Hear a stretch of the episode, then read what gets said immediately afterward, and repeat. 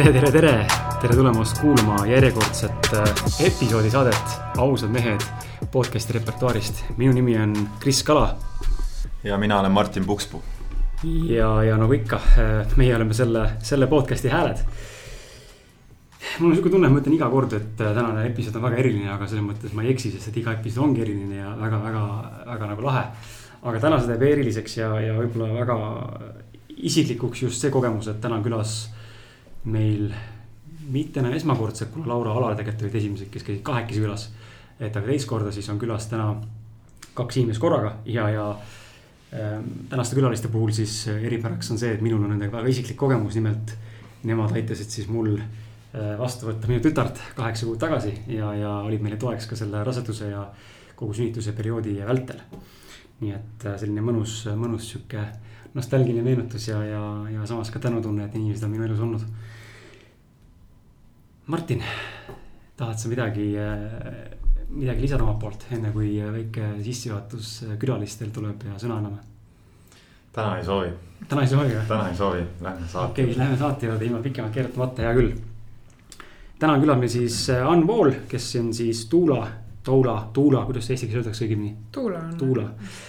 Tuula koolitaja, kes leidis oma kutsumuse peale enda esimese lapse sündi aasta kaks tuhat neliteist. tema kaks last on mõlemad sündinud kodus Ann on koolitatud sünnitoetaja ja imetamisnõustaja, kes aitab naistel ja nende lähedastel valmistada uue lapse tulekuks. ja Ingrid Kaoküla on meil siis ämmaemand ning kes on siis asutanud ka enda firma Kodusünnitus OÜ. Mis siis pakub võimalust ametlikult või siis pakkus võimalust või pakub täna siiani, vabandust, ametlikult esimese ämmaemandana kodusünnitust planeerivale peredele sünnitada turvaliselt oma kodus ja, ja ämmaemandana on Ingrid töötanud siis kolmkümmend kaks aastat ma kujutan ette, et see on äh, hullumeelne kogemus, millest sa täna kindlasti räägid meile. ja millest viimased kakskümmend kolm aastat oled aidanud lastekodudes ilmale tulla. Äh, seega, seega tere Ann ja tere Ingrid. tere, tere, tere. Ann, sina võid julgelt rääkida isegi tsipa kõvemini mm. Mhm. ma panen natuke heli tegelikult isegi igaks juhuks juurde, selle jätan siin peale ka. kõik on okei okay,, nii. aga, aga kui tihti üldse kutsutakse teid saatesse või kuskile artiklites võetakse sõna või võetakse mingeid intervjuusid või, või? no mul on ikka tulnud niimoodi võib-olla aastas paar korda ette, alates sellest ajast, kui ma sünnitoetajaks hakkasin. Et äh, see on natuke nii ka, et kuidas ise lükkad seda teemat, et kui ise pakkuda rohkem, et, et siis neid võimalusi on ka rohkem, aga ikka on tulnud ette jah mina ütleks, et see käib periooditi, et on vahetevahel aeg, kus äh, mingi paari kuu jooksul võib-olla isegi kolm korda küsitakse erinevates mm -hmm. asjades arvamust, nõu või, või palutakse mõnele artiklile kommentaari. ja siis võib-olla, et on aasta-poolteist vahet ja mitte midagi ei juhtu. nii et, äh, aga ma olen olnud varem ämmandajate ühingu äh, selline nagu kõneisik kellele saab helistada või kelle käest küsida, kui mingi asi puudutab ämmaemandate tegevust Eestis, et siis oli muidugi teine lugu mm. -hmm. et siis, siis tuli tihti öelda, mis ma arvan asjadest. okei okay. Aga alustame äh, klassikaliselt ikka, et äh, lühidalt rääkige kordamööda oma lugu ja kuidas teie teed lõpuks ristusid ja kuidas te siis koostööd hakkasite tegema mina siis alustasin oma sünnitoetaja teed niimoodi, et äh, ma sain emaks nagu väga paljudel sünnitoetajatel, et see ei ole selline elukutse, mida valitakse kohe värskelt äh, pärast keskkooli enamasti. tihtipeale on see seotud isikliku kogemusega. Ja ma tegelikult olen ülikoolis lõppe, lõpetanud füsioteraapia aga ma ei ole sel alal kunagi töötanud, sest ma alati tundsin, et see on kuidagi tagajärgedega tegelemine. ja ma nagu ootasin seda võimalust, millal minu haridus siis saab mulle kasulikuks mingil muul moel. ja kui minu esimene laps oli sündinud, siis, siis ma leidsingi järsku endas selle tunde, et, et vau wow,, et kui minu sünnitus oli selline Äh, meeldiv ja turvaline, mõnus kogemus ja ma olen täiesti, täiesti tavaline naine, siis äkki nüüd ma saaks hakata aitama teistel peredel seda ka niimoodi kogeda ja kui mu esimene laps oli aasta vanune umbes, siis, äh, siis mul paar sõbrannat vihjasid mulle, et kuule, et Eestis hakatakse tuulasid koolitama, et kas sa läheksid sinna kursusele. ja, ja nii siis äh, ma läksin ja, ja nüüd ma tunnengi, et, et kuna elu algus äh, nii-öelda, et see, see ongi kõige algus ja, ja nüüd see ongi see koht, kus ma tahan olla, et tegelen ennetusega nii-öelda. Okay.. väga hea point, et äh, mina olen hästi kaua teadnud, et ma tahan ämmaemandaks saada, et äh, isegi nii kaua, kui ma üldse ennast mäletan. ma lihtsalt ei teadnud, kuidas seda tööd nimetatakse või kuidas selle ameti nimi on ja ma usun, et ma ikkagi äkki kusagil põhikooli lõpupoole sain teada, mis selle ameti nimi on ja et seda ei saa, ei peagi ülikoolis õppima. et aga ma olen teadnud kogu aeg, et ma tahan teha seda tööd, et aidata, toetada neid naisi, kes beebit ootavad ja, ja, ja sünde vastu võtta et äh, ma ei, ma ei leia, et mul oleks mingi endal mingi teene selles, et ma selle nii vara ära olen tabanud. aga vaatamata sellele ma ikkagi pärast keskkooli lõpetamist kohe ämmaemandaks ei õppinud, et kõigepealt sündis minu esimene laps ja siis alles läksin ämmaemandaks mm -hmm. õppima. nii et, et minu teine ja kolmas laps on juba ämmaemandana sündinud. ja ämmaemandaks olemise ajal ma olen ikkagi üpris pikalt kogu selle aja jooksul ka peresid sünnituseks koolitanud nii et, et see tegevus on paralleelselt jooksnud isegi natukene kauem kui minu kodusünnitused selle seal haiglasünnituste kõrval. et äh, kuidagi need on omavahel väga seotud, need asjad, et ei saagi nagu võtta eraldi, üks vajadus tingib teise. aga, aga esialgus ikkagi, nagu ma aru saan, aitasid siis haiglas? jaa, ma olin kümme aastat sünnitusmajas töötanud selleks ajaks, kui, kui minu esimene kodusünnitus tuli ja see esimene kodusünnitus oli hästi noh, selline, see ei olnud kuidagi planeeritud kogemus. üks minu hea kolleeg ja tegelikult minu lapsepõlvesõber äh, kutsus mind kaasa sünnitusele, äh, kus oli vaja teist ämmaemandat veel abiks ja ma läksin kõigepealt talle lihtsalt appi mm. -hmm. Ja esimesest kodusünnitusest saadik ma sain aru, et vau, see on midagi hoopis muud. et see ei ole lihtsalt sünnitus nagu sünnitusmajas tõstetuna kodusesse atmosfääri, vaid et see on hoopis teine sündmus. ja, mul on hea meel, et äh, Martin tegelikult äh, ka siin on, mitte et ei peaks siin olema, aga mul on hea meel, Martin kuuleb seda, sest et mina.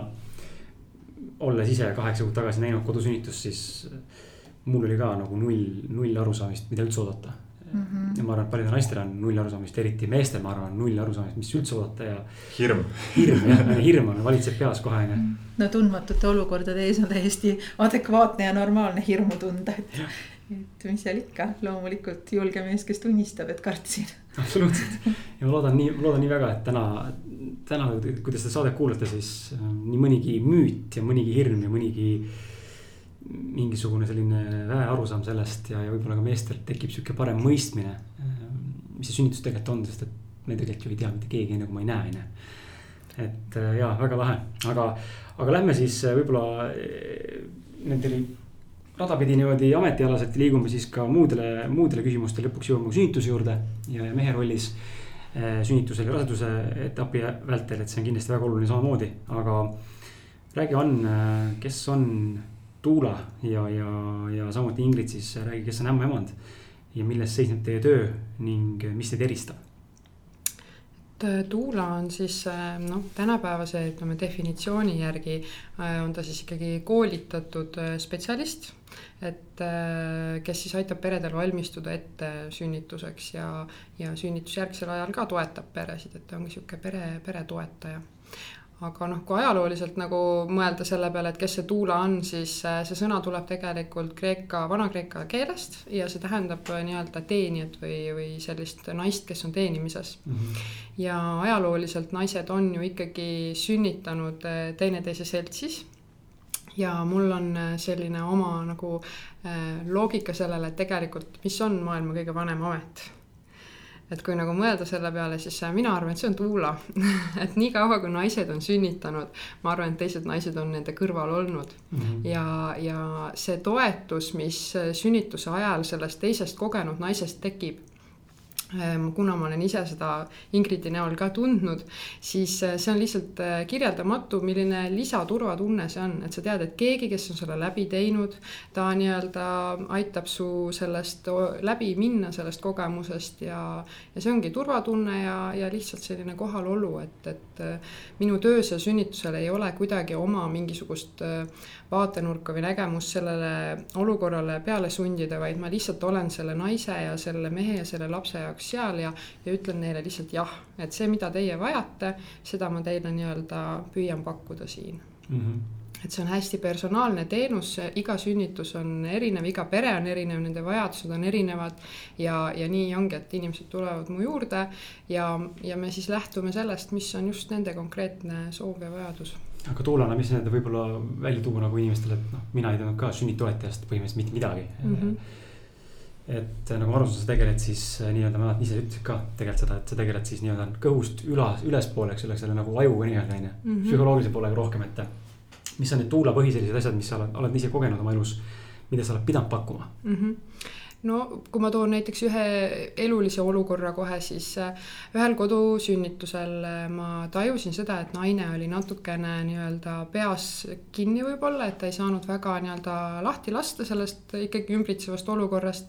ja mul oli võimalus nagu öelda teistele inimestele, et, et minge natukeseks ajaks ära, et minge puhake, et me saame siin kahekesi hakkama rahulikult.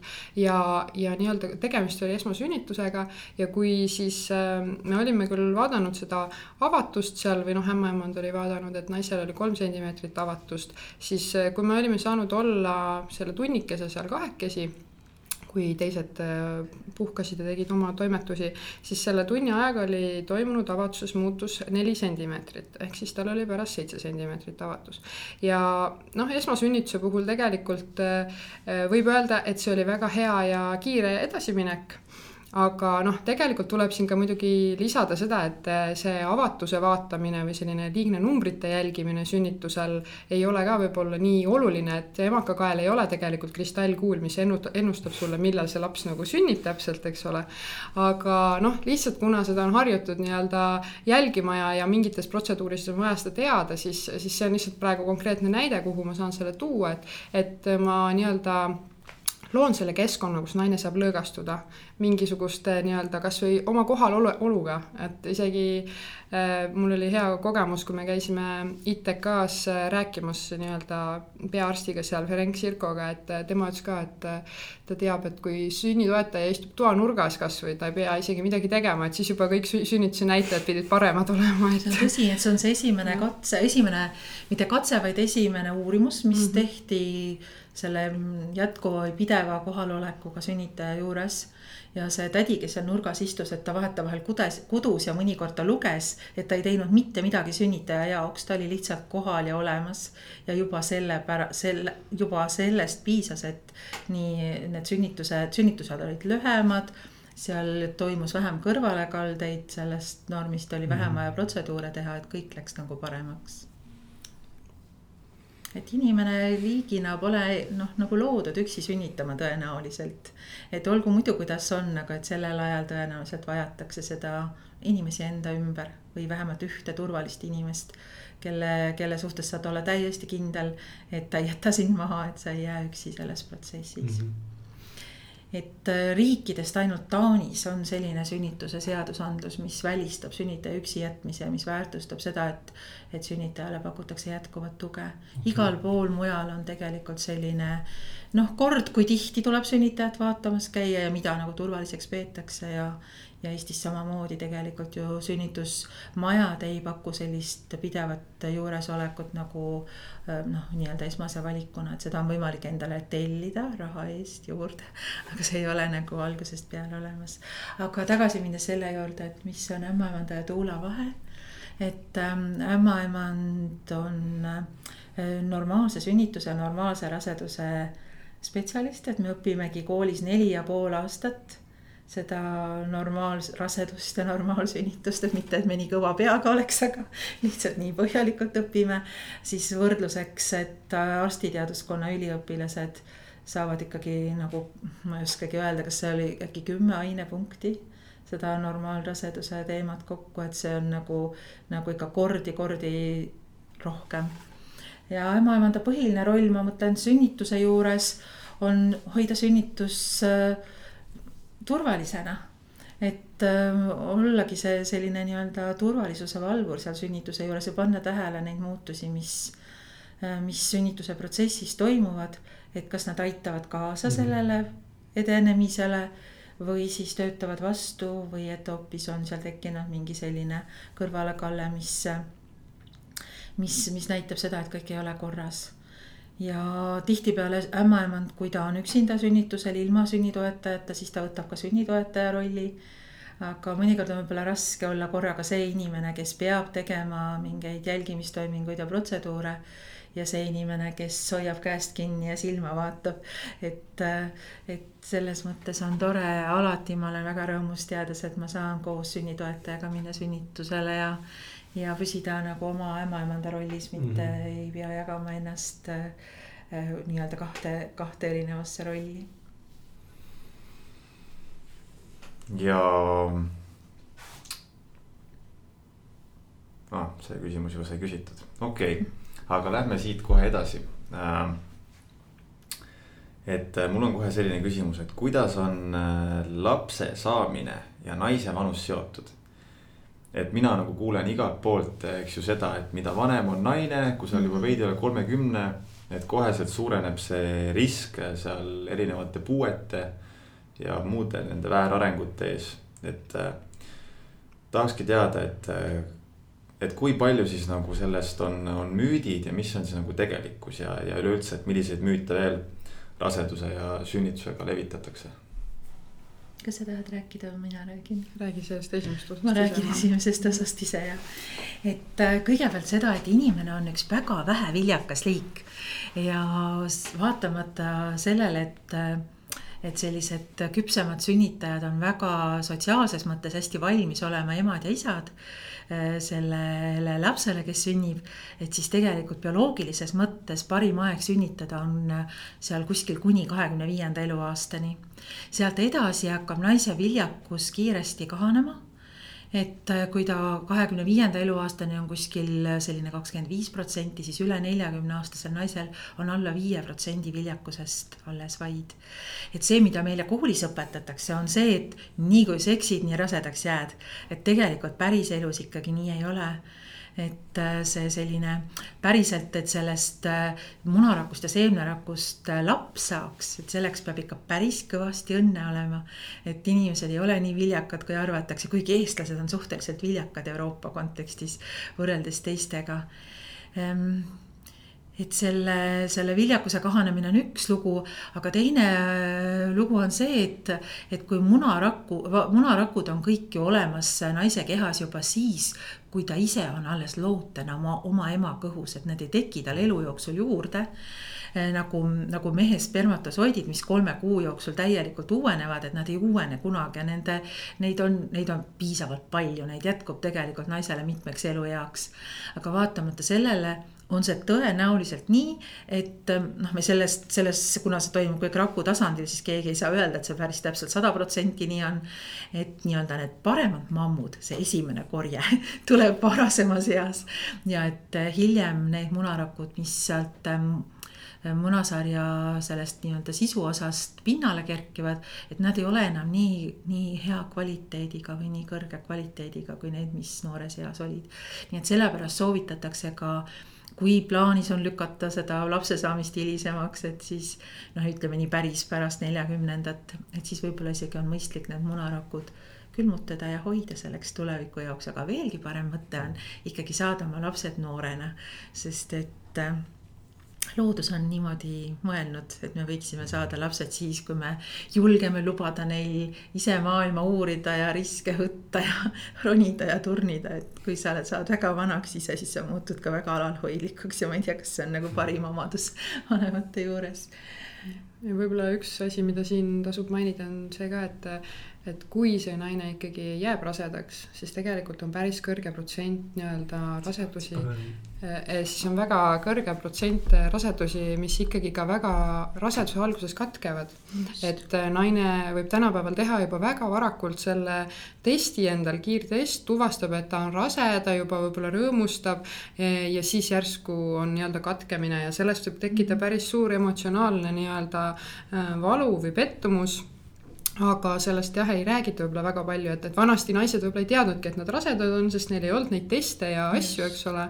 Aga et. vaatasid on... lihtsalt, et menstruatsioon hilineb ja. pisut ja ei teadnudki, et päriselt. et tuli hiljem, eks ole, aga, aga see on vist isegi kuni kakskümmend viis protsenti või palju see on? päris palju rasedusi katkeb ja et tegelikult ju ei teata, sest kõik ju ei tee kogu aeg rasedustesti, et teevad need, kes päriselt kas ootavad, loodavad või, või siis kardavad, et, et mõlemad variandid. ja veel, et mis on nagu natuke uuem teadmine, on see, et kui varem öeldi, et mehed on nagu lineaarselt ühteviisi viljakad ja spermatosoidide kvaliteet ei alane et siis tegelikult praegu ikkagi öeldakse, et noh, kas just päris neljakümnendast, aga viiekümnendast eluaastast alates ka ikkagi mehepoolne risk, et see geneetiline materjal ei ole enam see kõige parem, see. vaata nagu maasikatel on esimene korje ja järelkorje või et kartuli võtmine ja järelnoppimine.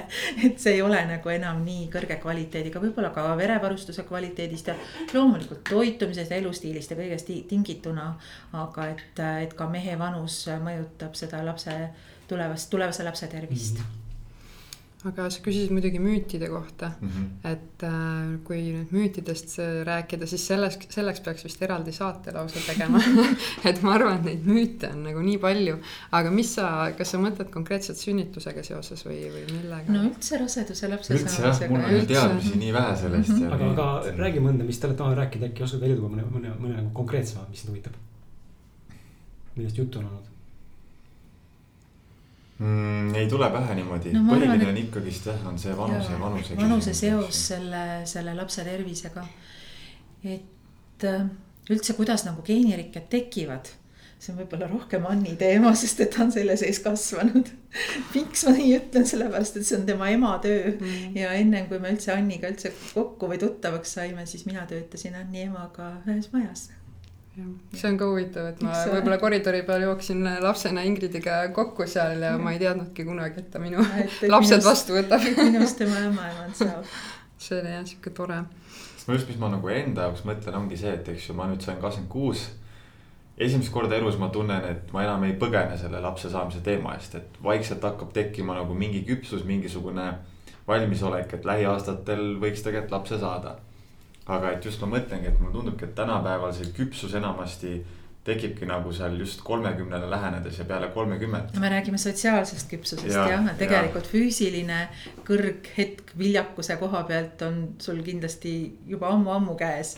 et ei ole olnud mm -hmm. põhjust oodata, aga vot igaks asjaks lihtsalt nagu on elus oma aeg et, et mul on selle kohta, kui nüüd selle nurga alt vaadata, on ju, siis et sa lähened kolmekümnele ja hakkad valmis saama nii-öelda selleks mõtteks, et isaks saada. et võib-olla üks selline müüt või, või selline lause, mida tihtipeale öeldakse nii-öelda üldse ka paari suhtes olles, on see, et naised loodavad, et mehed muutuvad ja mehed loodavad, et naised ei muutu kunagi, eks ole. aga vot sünnituse ja lapse saamisega ma pean tooma nagu tagasi reaalsusesse teid, et kuna juba raseduse ajal ja ka sünnituse järgselt need hormoonid, mis mis naise kehas on. et seda on uuritud, kuidas see mõjub naise kehale ja näiteks on märgatud seda, et see lausa muudab tema ajus olevate erinevate nii-öelda tsoonide aktiivsust, ehk siis põhimõtteliselt seda, kuidas naise aju funktsioneerib. ehk siis äh, noortele isadele võib-olla ongi hea hoiatuseks öelda, et äh, see on fakt, et sinu naine muutub ja kui sa seda ette tead, siis sul on võib-olla natukene kergem sellega toime tulla, sellepärast et ootused on pettumuste nii-öelda noh, eelduseks. et kui sul on ootus äh, et su naine on täpselt samasugune, nagu ta oli enne lapse saamist, siis see tõenäoliselt nii ei ole. et Kris võib-olla oskab omalt poolt seda kogemust sinna juurde rääkida, aga, aga me, näiteks. me räägime ka nii füüsilisest kui ka mentaalsest poolest.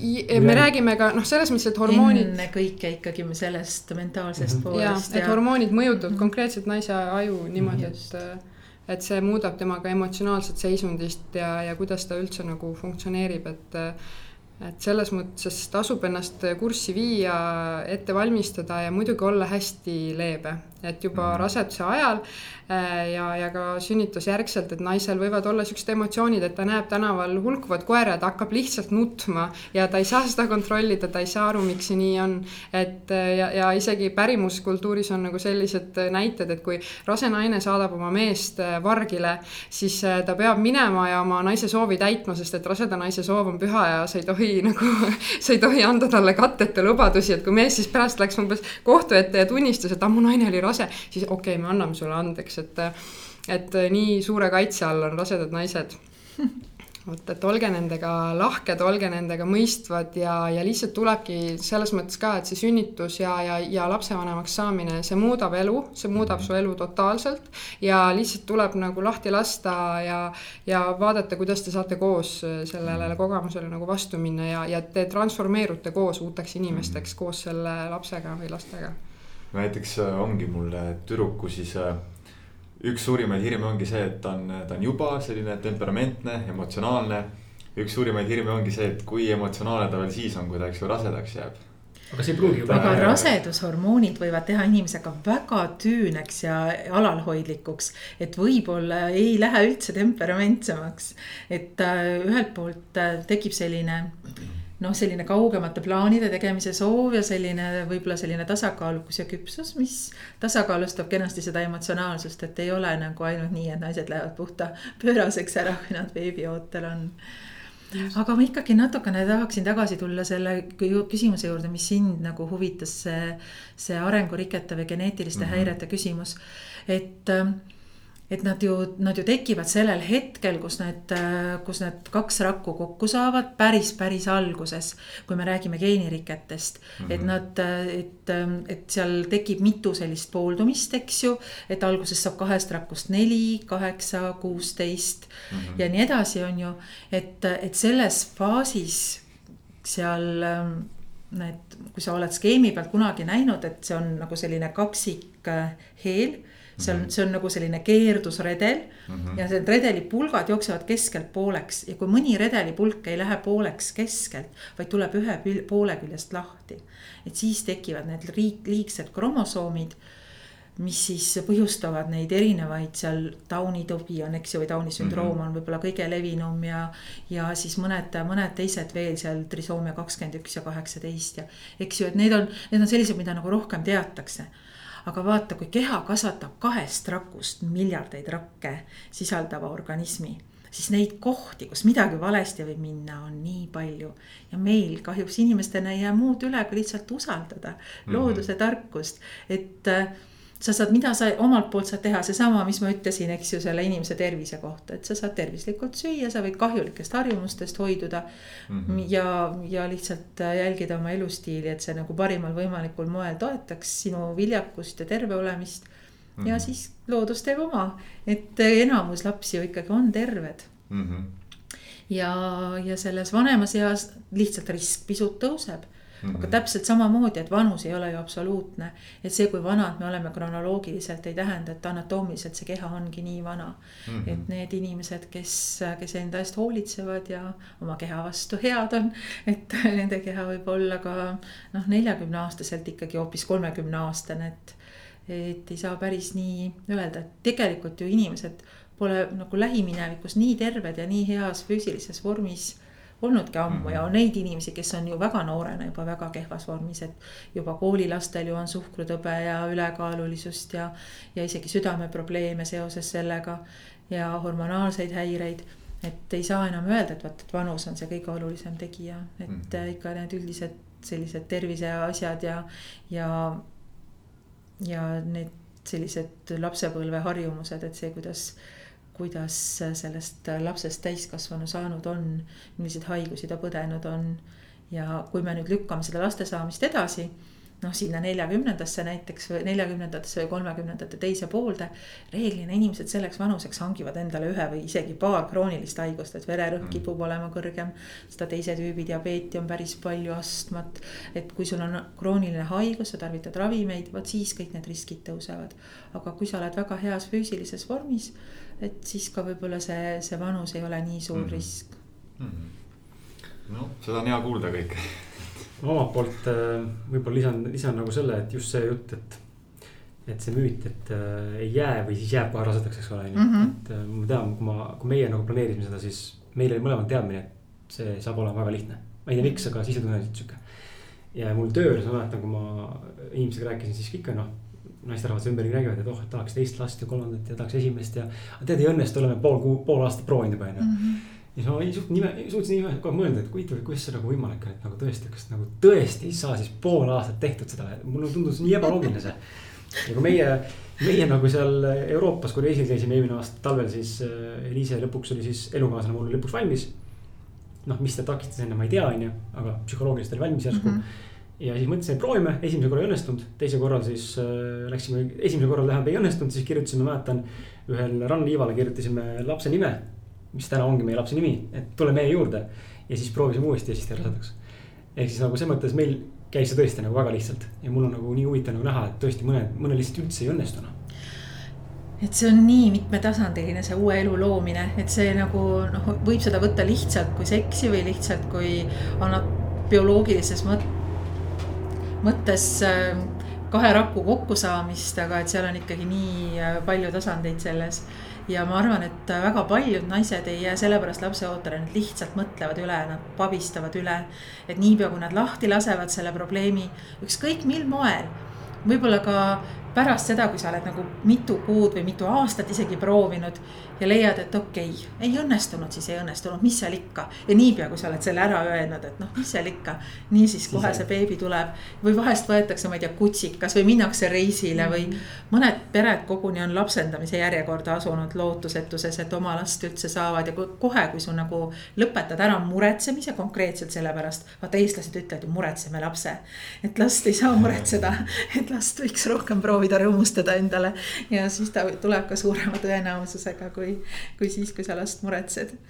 väga lahe just ja ma käisin ise hiljuti just ühe Jaapani doktori loengus ka, kes räägib sellest, et kuidas beebid üldse oma vanemaid juba nii-öelda eludevahelises ruumis valivad ja mm. ja tema konkreetselt on teinud mitu uurimustööd ja kirjutanud palju raamatuid sel teemal.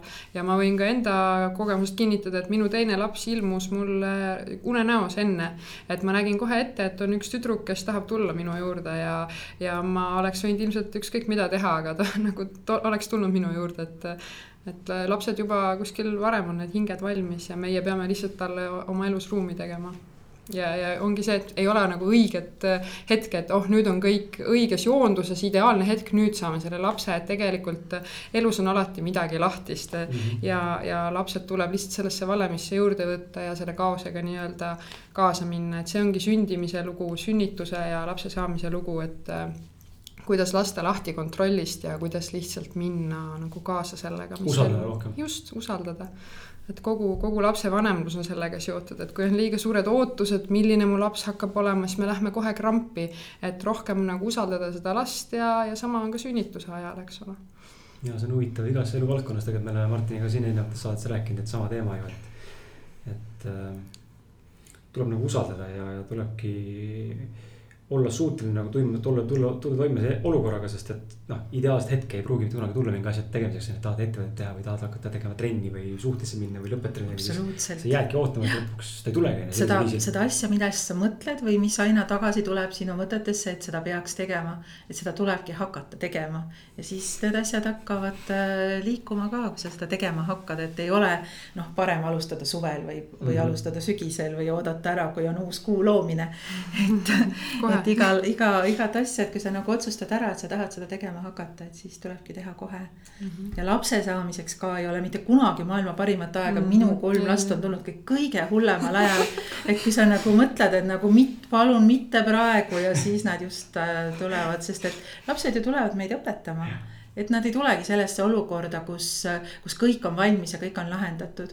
et kus meil on tehtud karjäär ja maja on valmis ehitatud ja, ja kõik tundub nagu olevat nüüd valmis, eks ju, selle lapse jaoks, et nüüd siis palun mm -hmm. tule mm see tundub natuke selline lineaarne mõtlemine, mida meile võib-olla antakse kaasa ka koolist, et äh, ma olen seda korduvalt nagu mõelnud ja ka jaganud peredele, et, et miks koolisüsteem ei toeta nagu lapsevanemaks saamist.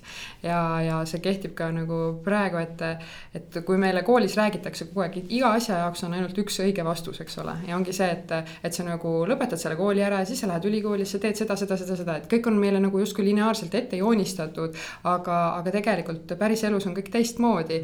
näiteks ka see, et koolis ei tehta koostööd, eks ole, aga kui sa lähed sünnitusmajja, noh, ma olen üritanud mõelda selle üle, et miks peredel on selline alguses selline võõrastusmoment, et miks ma peaksin jälle sünnitoetaja võtma. sest meile on koolis kogu aeg räägitud, et kui ma teen koostööd, siis see on petmine. et, et see on kuidagi midagi negatiivset, aga päriselus on see, et kui me teeme koostööd kellegagi, siis see hoopiski viib meid uuele tasemele ja, ja sünnitus on samamoodi, et võta endale kõrvale see spetsialist. et ärimehed saavad sellest väga hästi aru, kui ma lähen nende naise juurde ja nad ütlevad, jaa, et muidugi, et töö juures ma palkan ka nii-öelda professionaali, kes teab sellest teemast midagi ja ta aitab mul nii-öelda areneda selles valdkonnas et sünnitusega on samamoodi ja, ja noh, üks asi veel, et mis seal koolisüsteemis on, mis nagu sünnitust võib-olla ei toeta ja sünnituse ajal ei toeta naist, et me oleme kakskümmend, kaksteist aastat õpetatakse meile, et me peame kätt tõstma ja luba küsima, et pissile minna.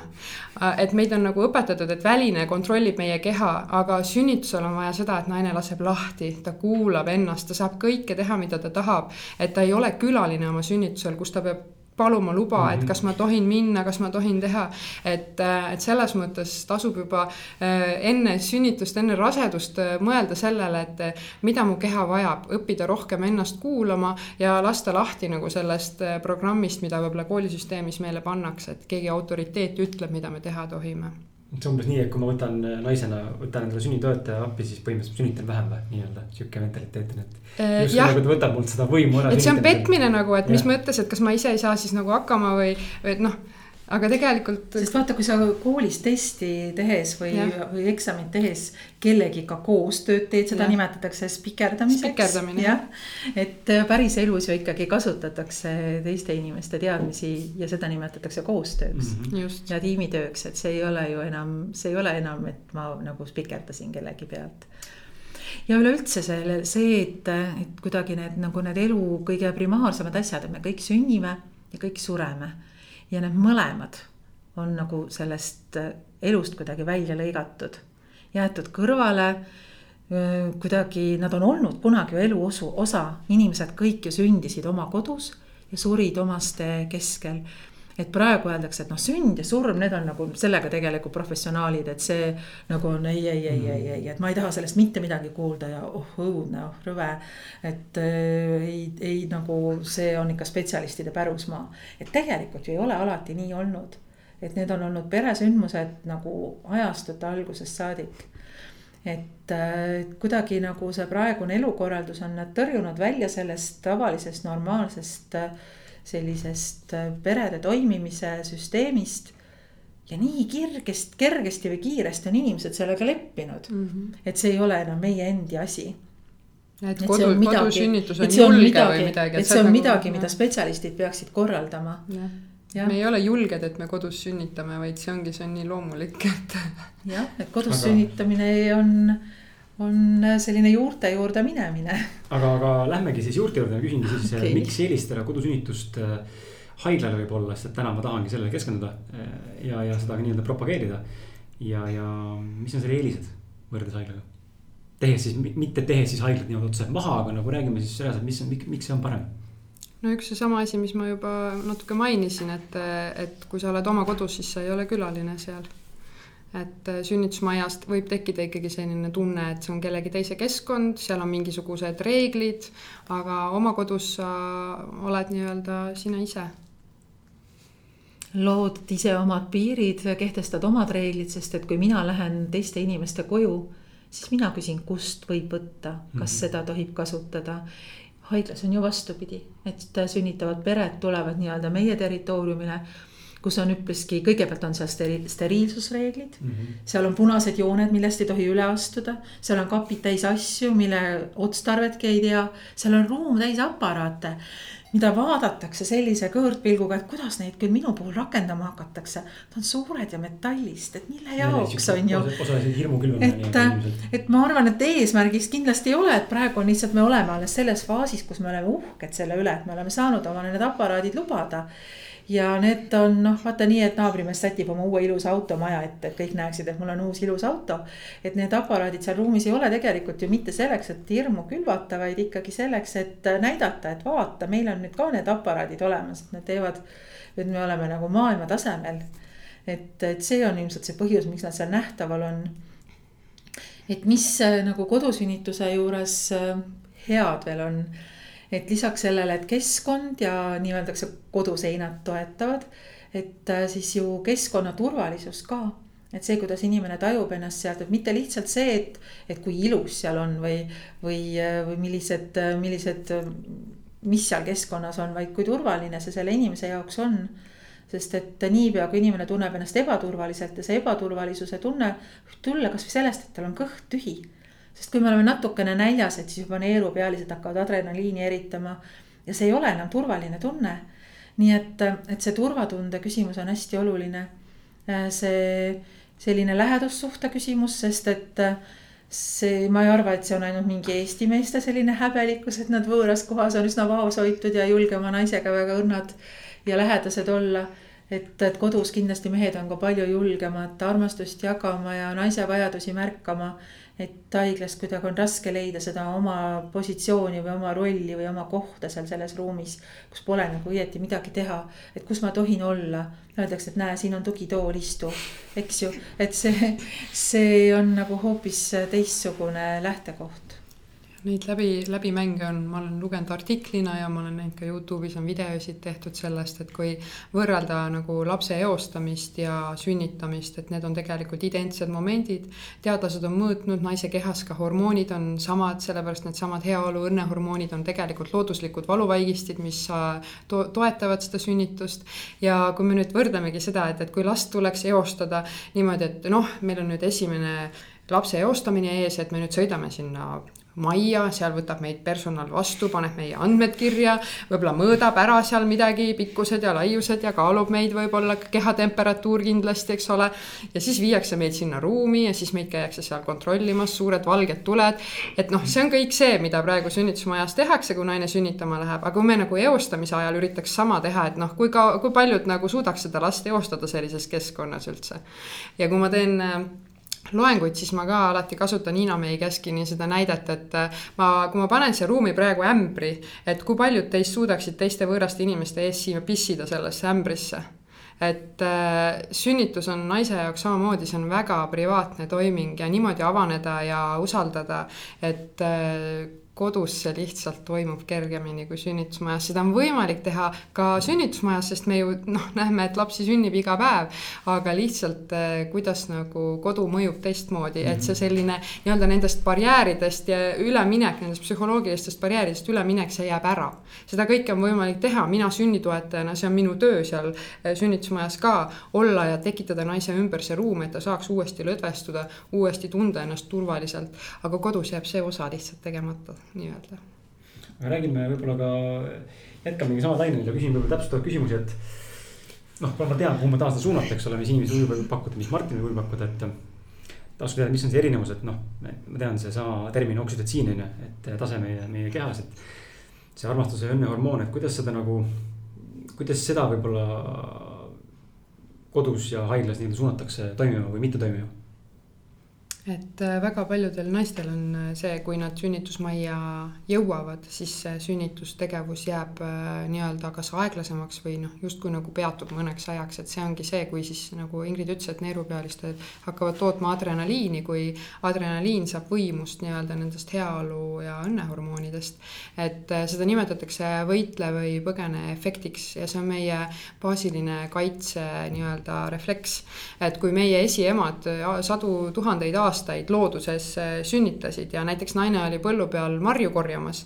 ja siis ta järsku näeb eemal lõvijälge või mõnda kiskjat, siis äh, kohe tuli tema käest see adrenaliin ja sünnitus peatati, plõks. ja ta asus nii-öelda oma elu eest võitlema, jooksma, mis iganes. et, äh, et see on põhimõtteliselt sarnane efekt, et kui naine siis läheb sinna sünnitusmajja, see võõras keskkond korraks nii-öelda tekitab selle pausi tema keha toimimises. aga mida meie teha saame, noh, üks asi ongi see, et käi-, käia näiteks näiteks juba enne äh, seal sünnitusmaja vaatamas et see keskkond oleks äh, Just, tuttavam. oleks enam nii võõras ja, ja nii uudne, et sa teaks enam-vähem neid reegleid, mis seal on. ja noh, veel ikkagi meid ju tänapäeval on üritatud kasvatada selliseks hea stressitaluvusega ja mitte häbelikeks inimesteks. Juba noh, varasest lasteaiaeast saadik, et lähme kõik koos potile ja kõik võtame riidest lahti ja ei häbene siin midagi. aga kõigi inimeste puhul see ei ole nagu läbi läinud, et inimestel ikkagi on olemas see loomulik häbelikkus ja, ja, ja selline oma intiimsuse kaitse, et et, et see ka kindlasti oluliselt mõjutab seda oksütotsiini taset seal sünnitusel, kas siis sünnitusmajas või kodus. et kodus on palju lihtsam luua seda oma privaattsooni juba see teadmine, et mitte keegi ei saa astuda sinu koduuksest sisse luba küsimata, koputamata uksekella laskmata. aga sünnitusmaja uksed ei käigi kinni ja seal ei ole ja isegi need uksed ei ole nagu sellised uksed, nagu sul on maja välisuks. vaid et need on sellised lükanduksed, sellised kerged lükanduksed, kust nagu hääled kostavad kõik välja, et et seal ei ole nagu noh, sellist privaatsust, et sa tead, et ma panin ukse kinni. sest et noh, nüüd ma, nüüd ma võib-olla, et võtan ennast riidest lahti sest et igaüks võib tulla hooldaja ja küsida, kas on vaja prügikasti tühjaks teha. võib tulla arst ja öelda tere, mina olen valvearst, et tulin vaatama, kuidas teil siin läheb, et iga hetk võib keegi uksest sisse astuda. üldsegi mitte halva paha pärast, et ikka igaüks teeb oma tööd, aga neid inimesi, kes seal korraga oma tööd teevad. on ühes valvetiimis noh, viis ämmaemandat, kaks naistearsti ja kaks hooldajat et palju siis kokku sai. no vot, et see on nagu terve hulk inimesi, kellel on asja sinna tuppa astuda et selles tingimuses on päris raske eritada neid samu hormoone, mille tase on kõrge suudeldes või seksi ajal aga noh, üks asi kindlasti nagu Ingrid ka juba mainis, on söömine, eks ole. et ikkagi äh, sünnituse ajal süüa, et see juba aitab nii-öelda meie seda rooma ja aju natukene trikitada. sellepärast, et äh, samamoodi, et kui naine nii-öelda meie esiema tajus, et ta on ohus äh,. aga, aga siis järsku hakkab mustikaid sööma, siis see tema rooma ja aju saab aru, et oo oh,, et oht on möödas, et ta asus, et ta asus jälle sööma ja jooma, et see on selline väike nagu äh, nipp, mida ma alati peredele soovitan, et sünnitusmajas kindlasti ikkagi sööma sööge ja, ja midagi jooge. maitsvat. ja midagi mõnusat, et mm -hmm. ja noh, ikkagi seesama puudutus, eks ole, eh, massaaž, eh, isegi Grey Anatomia seriaalis mainiti millalgi ära, et, et naise sünnitus ei arenenud kuidagi ja siis tuli üks kena välismaine doktor ja ütles, et aga nibude massaaž. et noh, ühesõnaga kõik sellised, sellised mõnusad tegevused, intiimsed, see võiks mehe roll ka olla. jah et äh, neid asju, mis, mis aitavad ja toetavad oksüdotsiini tekitamist, et neid asju on ju küll ja veel, et ka soe vesi näiteks ja, ja sooja vee puudutus nii dušina kui vannina ja. ja haiglas, nagu ma meeles on praegu, siis seda tuuakse tehislikult esile nii-öelda, no mitte alati, aga on hetki, kus seda tehakse. tähendab, haiglas kasutatakse, kui nüüd see loomulik oksüdotsiini tase on madal ja sünnitus ei edene mm. -hmm. või päris seisma jääb, et siis kasutatakse sünteetilist oksüdotsiini ja seda tavaliselt siis tilgutatakse veeni aga on meil ikkagi võimalik ka hirmu, noh, kui ongi näiteks olukord, kus jäi, jäi seisma või peatus sünnituse tegevus. aga sünnitusmajas ei käsitleta seda kui mm -hmm. sünnituse katkemise või aeglustumise põhjust. et äh, kuidagi nagu öelda, eeldatakse, et inimestel kõigil on väga hea stressitaluvus siis öeldakse, et näe, vaata Mari neljandast palatist, me käisime tema juures sama tihti ja temal ei jäänud sellepärast sünnitus seisma, on ju et, et inimesed lihtsalt on erinevad mm, -hmm. et inimestel on vaja erinevat privaatsuse määra ja erinevat sellist turvalisuse määra selleks, et nad julgeksid lahti lasta ja avaneda. sest kui sa lubad lapsel tulla enda seest välja, siis see turvalisuse määr peab olema ikkagi väga suur, et sa pead tundma tõesti, et sa oled kaitstud nagu kogu maailma kurja eest, et siis ma saan lubada endal nii sedavõrd avaneda, et, et laps saab välja tulla lapsed, inimlapsed on ju ka sündides umbes kuus kuud enneaegselt võrreldes kõigi loomalastega mm. -hmm. Nad vajavadki väga erilisi tingimusi selleks, et siia maailma tulla. ja sellepärast võib-olla inimnaised ka tunnevad nii varakult neid emaka kokkutõmbeid ja, ja tunnevad seda sünnitust nii intensiivsena, et see beebi nagu kogemata välja ei pudeneks. sest et inimlaps ikkagi meie kliimavööndis tõenäoliselt väliskeskkonnas enamuse aastast ei saaks hakkama et ta ikkagi on, tal ei ole veel temperatuuri regulatsioon paigas. ta oskab ainult imeda ja neelata ja veel mõnda asja teha, aevastada, köhatada, ringutada võib-olla. aga noh, kõik muud asjad, et äh, ta on ikkagi väga-väga abitu. ja sellepärast ilmselt sünnitus annab endast nii varakult märku. et ema jõuaks luua selle, selle turvalise pesa, äh, kus lapsel on turvaline sündida aga kui rääkida veel nendest sünteetilistest, sünteetilisest oksüdotsiinist või et. mis see teisisõnu on, armastuse hormoon või kuidas? no ta on jah, selles mõttes sihuke heaoluhormoon või armastuse hormoon öeldakse, et. aga sünteetiline oksüdotsiin, mida ravimites kasutatakse, tema molekul ei ole identne, see ei ole bioidentne oksüdotsiin, et ta on natukene erinev ja tema tal on väga kitsas roll selle emaka kokkutõmmete stimuleerimiseks, et tal ei ole selliseid noh, neid muid omadusi, mis on keha oma oksütotsiinil. just, et, et kui naise enda keha saab nii-öelda seda hormoone toota, siis see on nagu ta läheb astmeliselt, tõuseb kogu aeg naise kehas, et kui vaadatagi näiteks selliseid äh, sünnitusvideosid, kus naine saab äh, nii-öelda ise sünnitada, siis võib näha, kuidas naine on lõpuks lausa pilves nende oma kehahormooni, et tal on silmad on nagu täiesti peakoopas, et ta ongi pilves enda keha toodetud hormooni hormoonidest põhimõtteliselt, sest see tõuseb niimoodi sünnituse käigus. aga kui seda sünteetilist hormooni nii-öelda süstitakse, siis on ikkagi olnud äh, noh, näha seda tendentsi, et kui keha saab väljast selle sünteetilise hormooni, siis äh, tema enda nii-öelda ajust tekib signaal, et enam ta ei tooda seda loomulikku oksüdotsiini ja kuna see on ka nii-öelda valu vaigistava toimega, siis lõpuks ongi see, et kui sulle antakse sünteetiline sisse, siis lähevad sinu nii-öelda tuhud ja kõik lähevad valusamaks ja sealt mm -hmm. tuleb, see tingib nagu järgmise sekkumise, et siis on tihtipeale naine vajab epiduraali selleks, et üldse lõõgastuda, et üldse puhata vaata. et, et see selline esimene sekkumine võib tingida siis need nagu järgmised. aga noh, loomulikult on olukordi, kus need on õigustatud ja, ja, ja põhjendatud, aga lihtsalt äh, tuleb nagu aru saada oma valikutest ja, ja kui võimalik, siis enne proovida nii-öelda kasutada neid loomulikke meetodeid soovid sa lisada midagi? ja ma arvan, et sa ütlesid praegu kõik ära selle kohta nii hästi. kui, kui nagu kõik kõik see info on teada, kõik, kõik on nagu teada, kuidas siis see loomulik sünnitusprotsess peaks välja nägema. siis miks see haiglates on see nagu nii kaugenenud sellest kõigest loomulikust, miks nagu justkui haiglas käib kõik risti vastupidi sellele, kuidas nagu see sünnitusprotsess. või isegi üldse inimeste pealt ongi, kui sa räägid kellelegi kodusünnitusest, siis kodusünnituse, mina küll ei kodu seda sünnitada haiglas ikka. ega üldse ju see sünnitus, kuidas, kui kaua nüüd üldse, kõigepealt inimesed ju sünnitasid, kõigepealt oli kodusünnitus esimesed sünnitusmajad loe, loodi va-, vaestemajade ehk seekide juurde.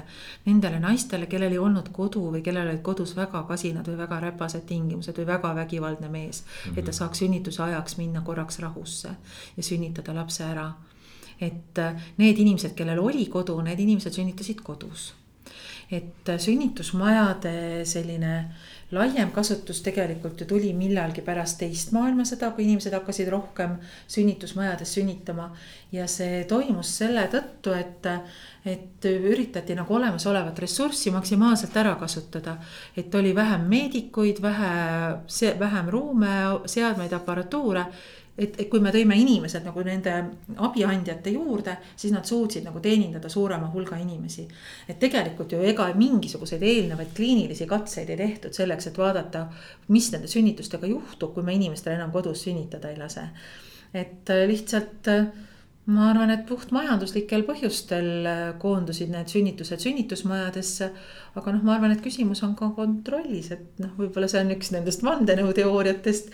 aga võib-olla, et on ka tõsi, et äh, kui sa nagu saad inimese üle kontrolli tema sünnitusel, et siis sa kontrollid teda ka edaspidi mm. -hmm see on nagu meie noh, meie põlvkond ja, ja Ingrid samamoodi, et, et kui, kuidas meie sündisime, et äh, kas teie poisid teate, et, et te olite sünnitusmajas üksinda pärast sünnitust, olete te küsinud oma ema käest? ei ole et äh, me, me kõik oli nii, et me sündsime ära ja siis meid viidi ju teise ruumi ära. et ema peeti mitte steriilseks ja ohtlikuks lapsele, et last ämmaemand, ämmaemandal oli müts, mask ja ta oli nagu ufonaut. et ma arvan, et kas päriselt üleüldse need tulnukad, tulnukamüüdid ei pärinegi sellest, et kuidas inimesi vastu võetakse.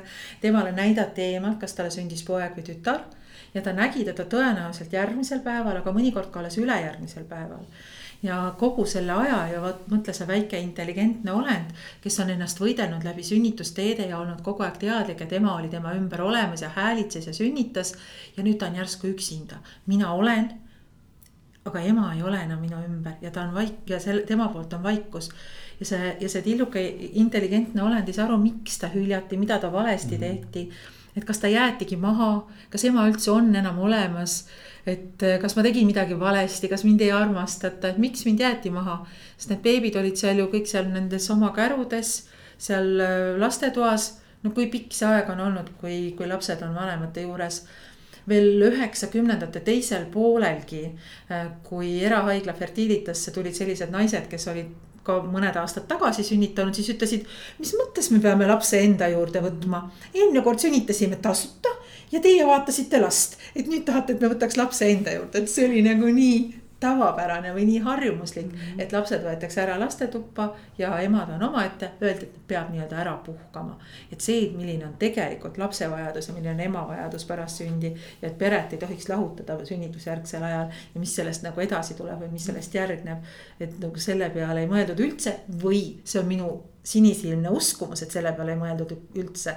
see võis olla ka eesmärk. mina arvan, et, et see oli eesmärk. mitte jah. tekitada liiga sügavat sidet mm., et, et vanemad oleksid valmis kohe taas tööle minema et tekiks sealt kohe imetamisprobleemid on ju väga palju on nõukogude aegset, aegsetel naistel see jutt, et mul sai piim otsa. kui sa esimesed kolm päeva oma last ei ole näinud, siis kust see piim sul tulla sai üldse. ja noh, see trauma, mis on tekitatud nagu tervele põlvkonnale inimestele sellega, et me oleme pärast oma sündimist ikkagi üksi jäetud, et mina arvan, et see on ikkagi mõjutanud meie usaldust äh, maailma vastu ja meie turvatunnet viisil, et me oleme kergemini manipuleeritavad ja mõni, mõjutatavad. nii et, et see on nagu väga oluline. siin on aus vahele öelda seda ka, et äh, saate kohe kommenteerida seda, sest et äh, meie, see oli meie üks probleemidest, kui laps sündis meil. mil minu tütar siis ei, ma ei tea, kas ta ei jõudnud piisavalt palli imeda kõvasti mm -hmm. ja võib-olla mhm. elukaaslased ei tundnud ka seda rinnast nii palju, kuigi nibud olid, et kõik on okeid, rindel on okei, onju et justkui nagu piima peaks olema ja oli ka, aga, aga laps ei saanud kätte mm. -hmm. ja meile hakati haiglas siis, kui me läksime nagu noh, nendesse, tähendab pärast kodusünnitust tulid siis need haiglavisiidid arstivisiidid. ja siis lapsel oli liiga palju kaalu. oli hästi kaotanud kaalu on ju, ja sellest ma tahan ka rääkida, et te räägiksite, mis see kaalukaotus tegelikult tähendab, et see tegelikult ei ole nagu oh, nüüd on nagu kohe suremas on ju. aga haiglas meile juba räägiti, et appi, appi, laps on nii väike, et siin põhimõtteliselt võib isegi ära surra ja minge ostke endale kohe Aptamili ja hakake lapsele andma siin lehmapiima ja ja, ja muid asju juurde ja, ja aga mingit juttu ei olnud sellest, et kuidas siis jõuda nagu selleni, et ma saaks ikkagi rinna kanda mm. -hmm. et nagu see oli ära, ära lõigatud. ja siis, kui me sellest lõpuks ise lahenduse saime tänu, tänu sinule on. noh, siis, siis see nagu lahenes ja, ja täna ma mõtlen selle peale, et see on nii müstika, kuidas enamik enam emad ilmselt ei teagi seda, et tegelikult saab. Nagu pered üleüldse satuvad sellisesse olukorda, kus nad ehk siis kaks küsimust on, kuida-, miks see on niimoodi, et äh, rinnapiimal võib tekkida see oht, et rinnapiima ei ole või ei saa laps kätte, mis iganes muud seal on ja siis see, et äh,. mis see teine oli, sa, äh, mu jutu ajal ütlesid ka see teine point selle samaga. et äh, mul ei tule meelde, alustame sellest. alustame ja. sellest, et äh, tegelikult on niimoodi, et igal emal on piim rinnas olemas, selles mõttes, et äh, nagu füsioloogiliselt on umbes üks protsent emasid, kes ei saa oma last reaalselt äh, imetada, et on kas olnud mingi mehaaniline kahjustus äh, rinnas või, või mis iganes. mingi piimanäärmete arenguhäired ikka inimeselt on ju erinevad. on tõenäosus olemas. mõnikord on väga-väga-väga harv. aga üldiselt on niimoodi, et juba raseduse ajal, kui naine võtab oma rinna kätte ja pigistab seda, siis nibu otsast tuleb sellist kuldset, kollakat, heledat vedelikku ja see ongi juba rinnapiim. ja esimestel elupäevadel laps joobki seda nii-öelda ternespiima või kuldne, kuldne nii-öelda vedelik selline.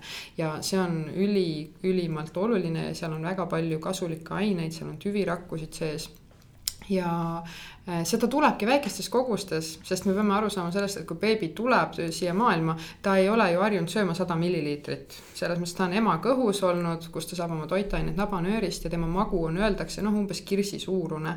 ja, ja sellepärast ongi pärast lapse sündimist ta sööb väikseid koguseid, aga tihti. ja, ja noh, sellepärast võib tunduda alguses, et, et kui sa seda beebit siis nüüd äh, mingi hirmutamise tõttu hakkad kohe kaaluma või noh, et siis võib tunduda, et issand, ta ju peaaegu midagi juurde ei võta võta, aga tegelikult need kogused ongi väikesed. ma räägiks, et kuhu kaal kaob mm, -hmm. et beebid ju kõhus harjutavad imemist ja neelamist, juues lootevett, nii et tegelikult nad sünnivad nõnda, et neil on nii magu kui ka pissupõis täis raseduse jooksul on kogunenud sool täis äh, kakamassi. ja kui ta nüüd sünnib, siis ta hakkab pissima ja kakama ja oh, neid kakaportsusid, eks ju, võib värske isa noogutada siin kõrval, et alguses ikka kakat oli palju ja kui mõelda, et need söögikogused on väikesed, et kui beebi sööb teelusikatäie umbes viis milliliitrit korraga ja kakab mähkmetäie, siis on selge, et kaal langeb. et selline normaalne füsioloogiline kaalulangus on kuni kümme protsenti kehakaalust, nii et selline noh kolme ja poole kilone beebi võiks siis umbes kolmsada viiskümmend grammi oma kehakaalu kaotada selle tõttu lihtsalt, et ta pissib ja kakab, et ta eritab. ja et ta sööb väikeseid koguseid korraga, sellist toitu, mis on energeetiliselt nii hea saadavusega, et sellest ei jää praktiliselt mitte midagi üle mm. -hmm. et ta kasutab selle praktiliselt kõik otse energiaks ära, et sealt ei, ei moodustu sellist jääki, mis soolestikus või noh, üleüldse, mis, no mis saaks nagu seda kaalulisa anda talle et sealt, sealt tuleb see kaalulangus. et harilikult kaalulangus jääb pidama noh, neljas-viies päev, kui emal see piimakogus suureneb et äh, siis, siis see piima, siis lapse, lapse kaalulangus jääb pidama ja hakkab reeglina tasapisi tõusma. nii et kuskil kümne kuni neljateist päeva vanuselt enam-vähem beebid saavad oma sünnikaalu tagasi. ja, ja siis jõuavad ehk natukene veel juurdegi võtta sellele ennem kui ühekuuseks saavad okay.. aga, aga ka see, miks arstid üldse suruvad kohe meid äh, või üldse emasid kohe nii-öelda siis selle noh poe nii-öelda tehisliku piima peale? no ma arvan, et see on lihtsalt selline hari, harimatuse või küsimus ja et ei ole ju nii, et kui ma õppisin, ma ei tea, tervis, tervishoiukoolis ämmaemandaks või õeks või ülikoolis arstiks, et siis ma olengi terveks eluks spetsialist. et need, kes ennast kogu aeg täiendavad, need teavad äh, kuidas, kuidas piim tekib ja, ja mida, mida soovitada või kuidas suunata. Ja, ja need, kes ei ole koolitanud nad ka parimat soovides soovitavadki seda kunstpiima anda, sest nemad päriselt tõeliselt usuvadki, et, et laps on näljas ja et see on praegu ainukene väljapääs sellest olukorrast et midagi ei ole teha. minu, minu kogemus imetamisnõustajana on, on ka nagu selline, et võib-olla arstidel lihtsalt noh, see, et imetamisnõustajana perele anda see abi, et lapsel on tekkinud kaalulangus, on see esimene paanika, võib-olla arstid ütlevad ka, et andke lisa. et noh, arstil ei ole reaalselt sellist nagu võimekust, et selle perega püsida kontaktis, kakskümmend neli seitse olla tema jaoks olemas ja seetõttu nad tegelikult jäävad väga väärtuslikust õppetunnist ilma, kuidas need lapsed tegelikult väga ilusti juhtida läbi sellest eh, esmasest nagu ehmatusest mm, -hmm. kuidas emat juhendada. et imetamisnõustajana mina olen seda kordades noh näinud, eks ole, et see toimib, emad saavad hakkama, lapsed saavad hakkama, seal on ja tuleb vaadata keelekidasid ja noh, erinevaid asju. aga, aga lihtsalt, et, et see on üks asi, et neil puudub see kogemus kui vaadata Tartu Ülikoolis äh, arstide õppekava, siis tegelikult imetamist äh, kui sellist eraldi õppeainena sealt mina ei ole leidnud vähemalt, parandage mind, kui te leiate, aga seal on äh, umbes selline õppeaine nagu vastsündinu füsioloogia ja toitumine ja see on umbes saja valikaine hulgas mm. -hmm. nii et kindlasti oleks võimalik seda ka arstide õppes või siis täiendõppes nii-öelda parandada ja ma olen ise sellele korduvalt mõelnud, et kuidas näiteks perearstidele teha sellist täiendkoolitust, kus nad saaks ennast paremini harida ja. et seda tegelikult seda koolitust ju pidevalt ka pakutakse no, aga jah, koolitustega aga on nii nagu on. et äh, kui käia koolitustel, sa näed alati seal ühte ja sama viitekümmet nägu, aga ülejäänud tuhanded ei käi mitte kunagi mm. koolitustel. ja, ja noh, üks asi veel, et tegelikult kui alles ütleme mõned nädalad tagasi juhtusin vaatama Eesti Lastearstide Seltsi kongressi nii-öelda aastakonverentsi leheküljele, siis äh, sponsoritena on seal all kõik suuremad äh, kunstpiimatootjate nimed oh eks see muidugi on ju selles mõttes ikkagi ju äri, selles mõttes ka, et noh. ja veel, et Eestis ei ole ühtegi beebisõbralikku äh, sünnitusmaja ega lastehaiglat.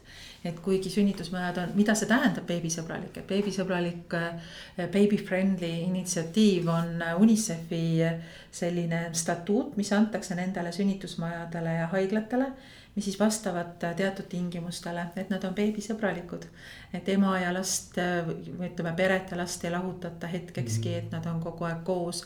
et laps saab rinda alati, kui ta seda soovib, et ema saab tuge ja toetust imetamiseks et kõik need, kõik need asjad on ju, et kogu personal on koolitatud ja jagab ühesuguseid nõuandeid see on vast võib-olla kõige raskem kutsumus, katsumus üleüldse, et kogu personal saada ühesuguseid nõuandeid andma, sest inimesed on erinevatel aegadel õppinud ja väga paljud nõustavad oma oma kogemuse baasilt lihtsalt. et üks ongi üks põhjus, miks mina soovitaks kodus sünnitada, on see, et sul jääb see mitme erineva soovituse virvarr ka pärast sünnitust saamata, et väga väga levinud on see, et pere ütleb mulle, et tuli ühe vahetuse ämmaemand rääkis ühte juttu ja teise vahetuse ämmaemand tuli, rääkis risti vastupidi meile.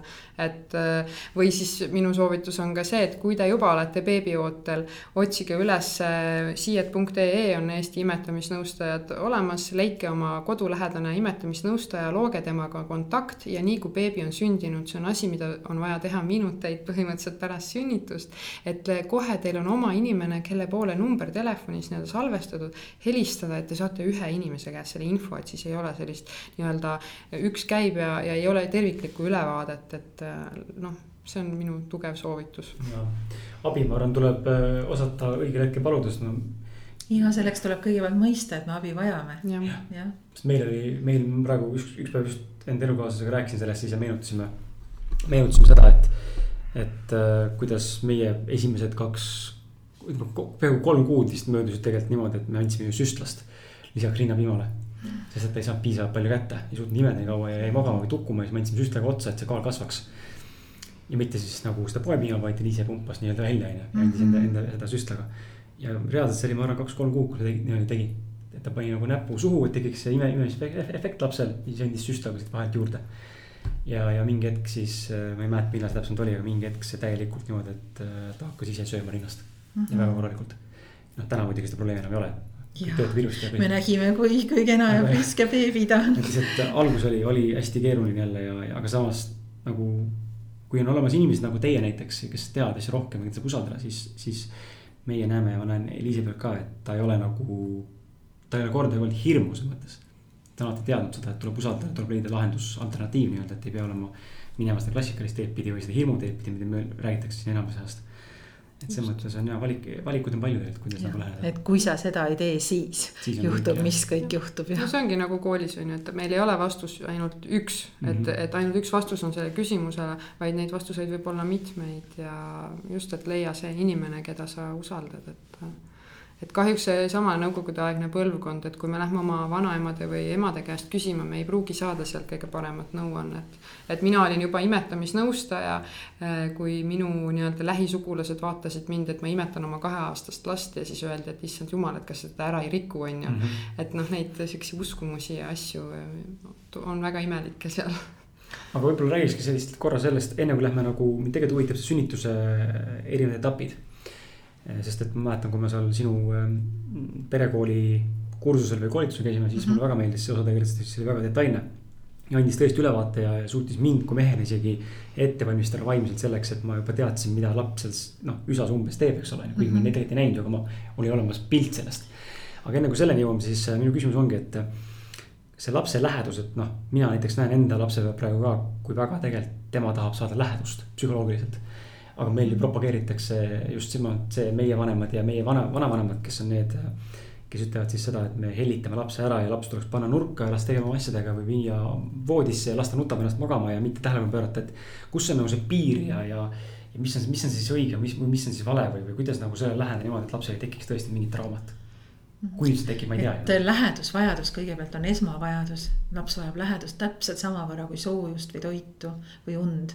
et see ei ole nagu mingisugune teisejärguline vajadus, mida võib noh, häda korral täitmata jätta et läheduse vajadus on ikkagi väga selline esmane vajadus, ellujäämisvajadus. et beebid vajavad nii väga seda lähedust, nad isegi ei saa aru, et kust nagu tema lõpeb või tema, tema ema isa algab, et ta, tema jaoks ongi see üks tervik, et kui sa nagu pane, võtad ta lahku, siis ta, siis ta nutabki oma nii-öelda teist poolt taga. et, äh, et beebid ikkagi vajavad väga palju lähedust ja tasapisi aja jooksul nad saavad natuke julgemaks ja hakkavad iseenesest ka teadlikumaks saama. et äh, siis nad julgevad ka natukene rohkem omaette olla. aga see sõltub täitsa lapse iseloomust mm -hmm. ja mhm. sellest äh, milline tema temperamenditüüp on, et kui, kui, kui kiiresti ja kui kaua ja kui kaugel ta julgeb olla oma vanemast ja see. kindlasti, kui laps on palju kaisus ja süles, kui last kantakse, siis äh, ma ei mõtle raseduse ajal, vaid just äh, imikueas ja väikelapse eas et siis see kasvatab ju julgeid ja tugevaid inimesi.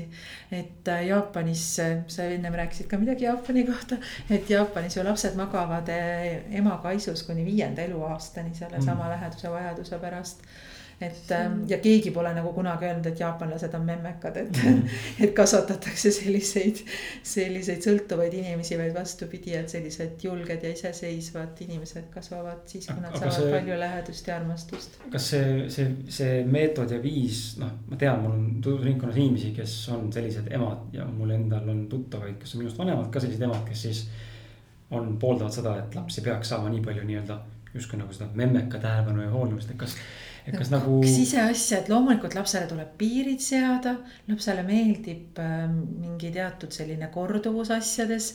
et see, see selline heas mõttes rutiin beebidele meeldib väga hästi ja väikelastele ka. aga et et selles mõttes, et äh, nagu liiga palju lähedust või liiga palju armastust, liiga palju puudutusi, kallistusi, musisid, et seda ei ole küll kunagi liiga palju. armastusega ei ole võimalik kedagi ära rikkuda. aga noh, tegelikult see küsimus praegu, mis sa küsid, see on selline, kui sa lapsevanem oled, siis neid kahtluseid ja asju tekib alati, alati laps kasvab, tekivad uued küsimused. ja võib-olla nagu üks tööriist, mida kasutada, on see, et, et kui sul tekib mingi küsimus, kuidas ma peaks tegema, et tõsta see korraks sellest lapse kontekstist välja mm. -hmm. et äh, nii-öelda võta oma talupoja mõistus appi, küsi, et noh, mis, kuidas nagu looduses tehti, kuidas meie esivanemad on teinud või, või vii see üldse kuidagi teise konteksti. ja see armastuse läheduse teema, mulle meeldib väga see näide, et pane see oma abikaasa konteksti et äh, kui su laps ei tohi sinu kaisus magada, siis saada oma abikaasa teise tuppa magama. kui su abikaasal läheb kõht tühjaks, siis ütle, vaata kella, ütle, et aga neli tundi ei ole täis veel, et sa ei tohi külmkapi mm. juurde minna, eks ole. et miks me eeldame nagu väikestelt beebidelt asju, mida täiskasvanud inimesed ei suuda äh, nii-öelda täita et äh, noh, just, et beebi on sündinud, tema elu sõltub sinust ja kui sa siis sel hetkel hakkad nii-öelda justkui ennast kehtestama, et oo, ma ei pane ta, pööra talle tähelepanu ja ma lasen tal nutta, on ju. et noh, kui su täiskasvanud sõber nutab, siis sa ei lähe samal ajal minema ja ei jäta teda üksinda, vaid sa ikkagi lohutad teda, et miks me siis oma beebidega peaksime teistmoodi käituma et äh, need noh, jälle tuleb mõelda, et kust see tekkis, kus see nii-öelda äh, sekkuti meie toimimisse, et, et see on kuskil, seal on mingi põhjus, miks keegi hakkas meile rääkima, Benjamin Spocki vist raamat on selline tore raamat, mil, millest võiks teha, tegelikult võiks jaanitule teha, on ju, et ärge nagu seda raamatut juurutage rohkem. et seal on sellised jutud, et mitme minuti tagant ja tunni tagant sa last tohid toita ja nii edasi. aga et meie esivanemad on oma lapsi ikkagi kaasas kandnud, lapsed on alati kasvanud kogukonnas, külas palju inimesi ümber, oma pere ümber kogu aeg, nad ei ole üksinda. Äh, samamoodi, et noh, näiteks lasteaia näide, et kakskümmend samas vanuses last on ühes ruumis, et kas neil tegelikult on teineteiselt midagi õppida või, või on nagu see, et ikkagi lapsed peaks näiteks eri vanuses, lapsed peaks koos olema, et siis neil on rohkem õppida. et, et vaadake nagu rohkem minevikku ja mõelge selle üle, et et noh, ühesõnaga see ongi sihuke teadlikkus, et, et minu jaoks nagu, mis see teadlik lapsevanemlus on, on see, et äh, sa kahtled, sa küsid, et, et miks niimoodi tehakse, kas ma peaksin niimoodi tegema ja siis sa kogud infot ja sa võrdled seda, mitte sa lihtsalt ei võta üle kellegi mingisugust mustrit, et aga nemad teevad nii ja sellepärast ma teen mm -hmm. ka nii kas see võib olla seotud ka äkki lapsevanema, ütleme siis nagu praegu konkreetse näite põhjal emadel sellest, et mõni ema tahabki jätkata või ta eeldab et ta saab jätkata oma elu pärast lapse sündi nii nagu oli enne, kui ta rase oli. et nagu see ego, egoistlik selline käitumine, minu, nüüd on minu aeg.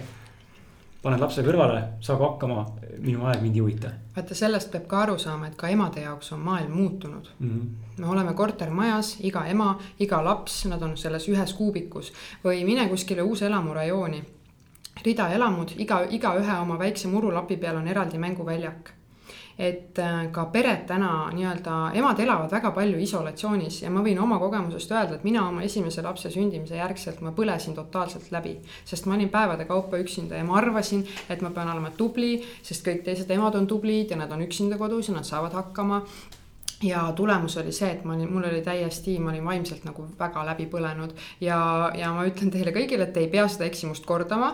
Äh, loengutes ma räägin ka alati, et palun juba enne, kui laps on sündinud, leppige oma sugulastega kokku, oma sõbrannadega, et nad tooks teile süüa. Nad käiks teil abis äh, koristamas, et kui te tahate nagu äsja sünnitanud ema aidata, siis ärge minge talle külla tühjade kätega, et noh, teeninda nüüd, tee mulle kohvi mm, -hmm. vaid käigegi, leppige kokku, et ma tulen iga kolmapäev, aitan sul pesu pesta ja räägin sinuga juttu ja vaatan sulle silma, küsin, kuidas sul läheb, aitan sul duši all käia. sest et vanasti me elasime emadena ka kogukonnas, aga tänapäeval on emad tihtipeale üksinda, isad on tööl, kõik on mm -hmm. tööl, et äh, ei saa ainult öelda, et nemad on egoistlikud ja tahavad majast välja saada, sest ka nende elu on täielikult muutunud võrreldes sellega. ja, aga õnneks on lapsel kaks vanemat ja, ja kui nagu omavahel kokku leppida ja teineteisele aega anda, tähele panna teineteise vajadusi, et, et ka sinu oma vajadused oleksid täidetud, sest ainult siis sa saad jagada armastust, kui sa oled, kui sa ise oled täidetud. ja, ja no see, et uuesti hakkavad tagasi tulema eraldi lastetoad, minu meelest on see päris õudne mm. -hmm. et äh, juba kasvõi seegi, et laps, äh, lapse hingamise rütm välja kujuneks, vajab ta teiste inimestega ühes ruumis äh, magamist seda teatud süsihappegaasisisaldust õhus, mis stimuleerib tema sissehingamist. et me ei tohi panna last üksinda omaette magama, et noh, ta ei tööta nii, et see on ja, ja lapse kehaehitus ja tema refleksid, need haaramisrefleksid ja, ja kõik need, need refleksid, mis lapsel sündides juba on. Need ka räägivad sellest, et laps on mõeldud kaasas kandmiseks mm, -hmm. et ta ei ole nagu mõeldud selleks, et me paneme ta kuskile voodi peale üksinda siputama.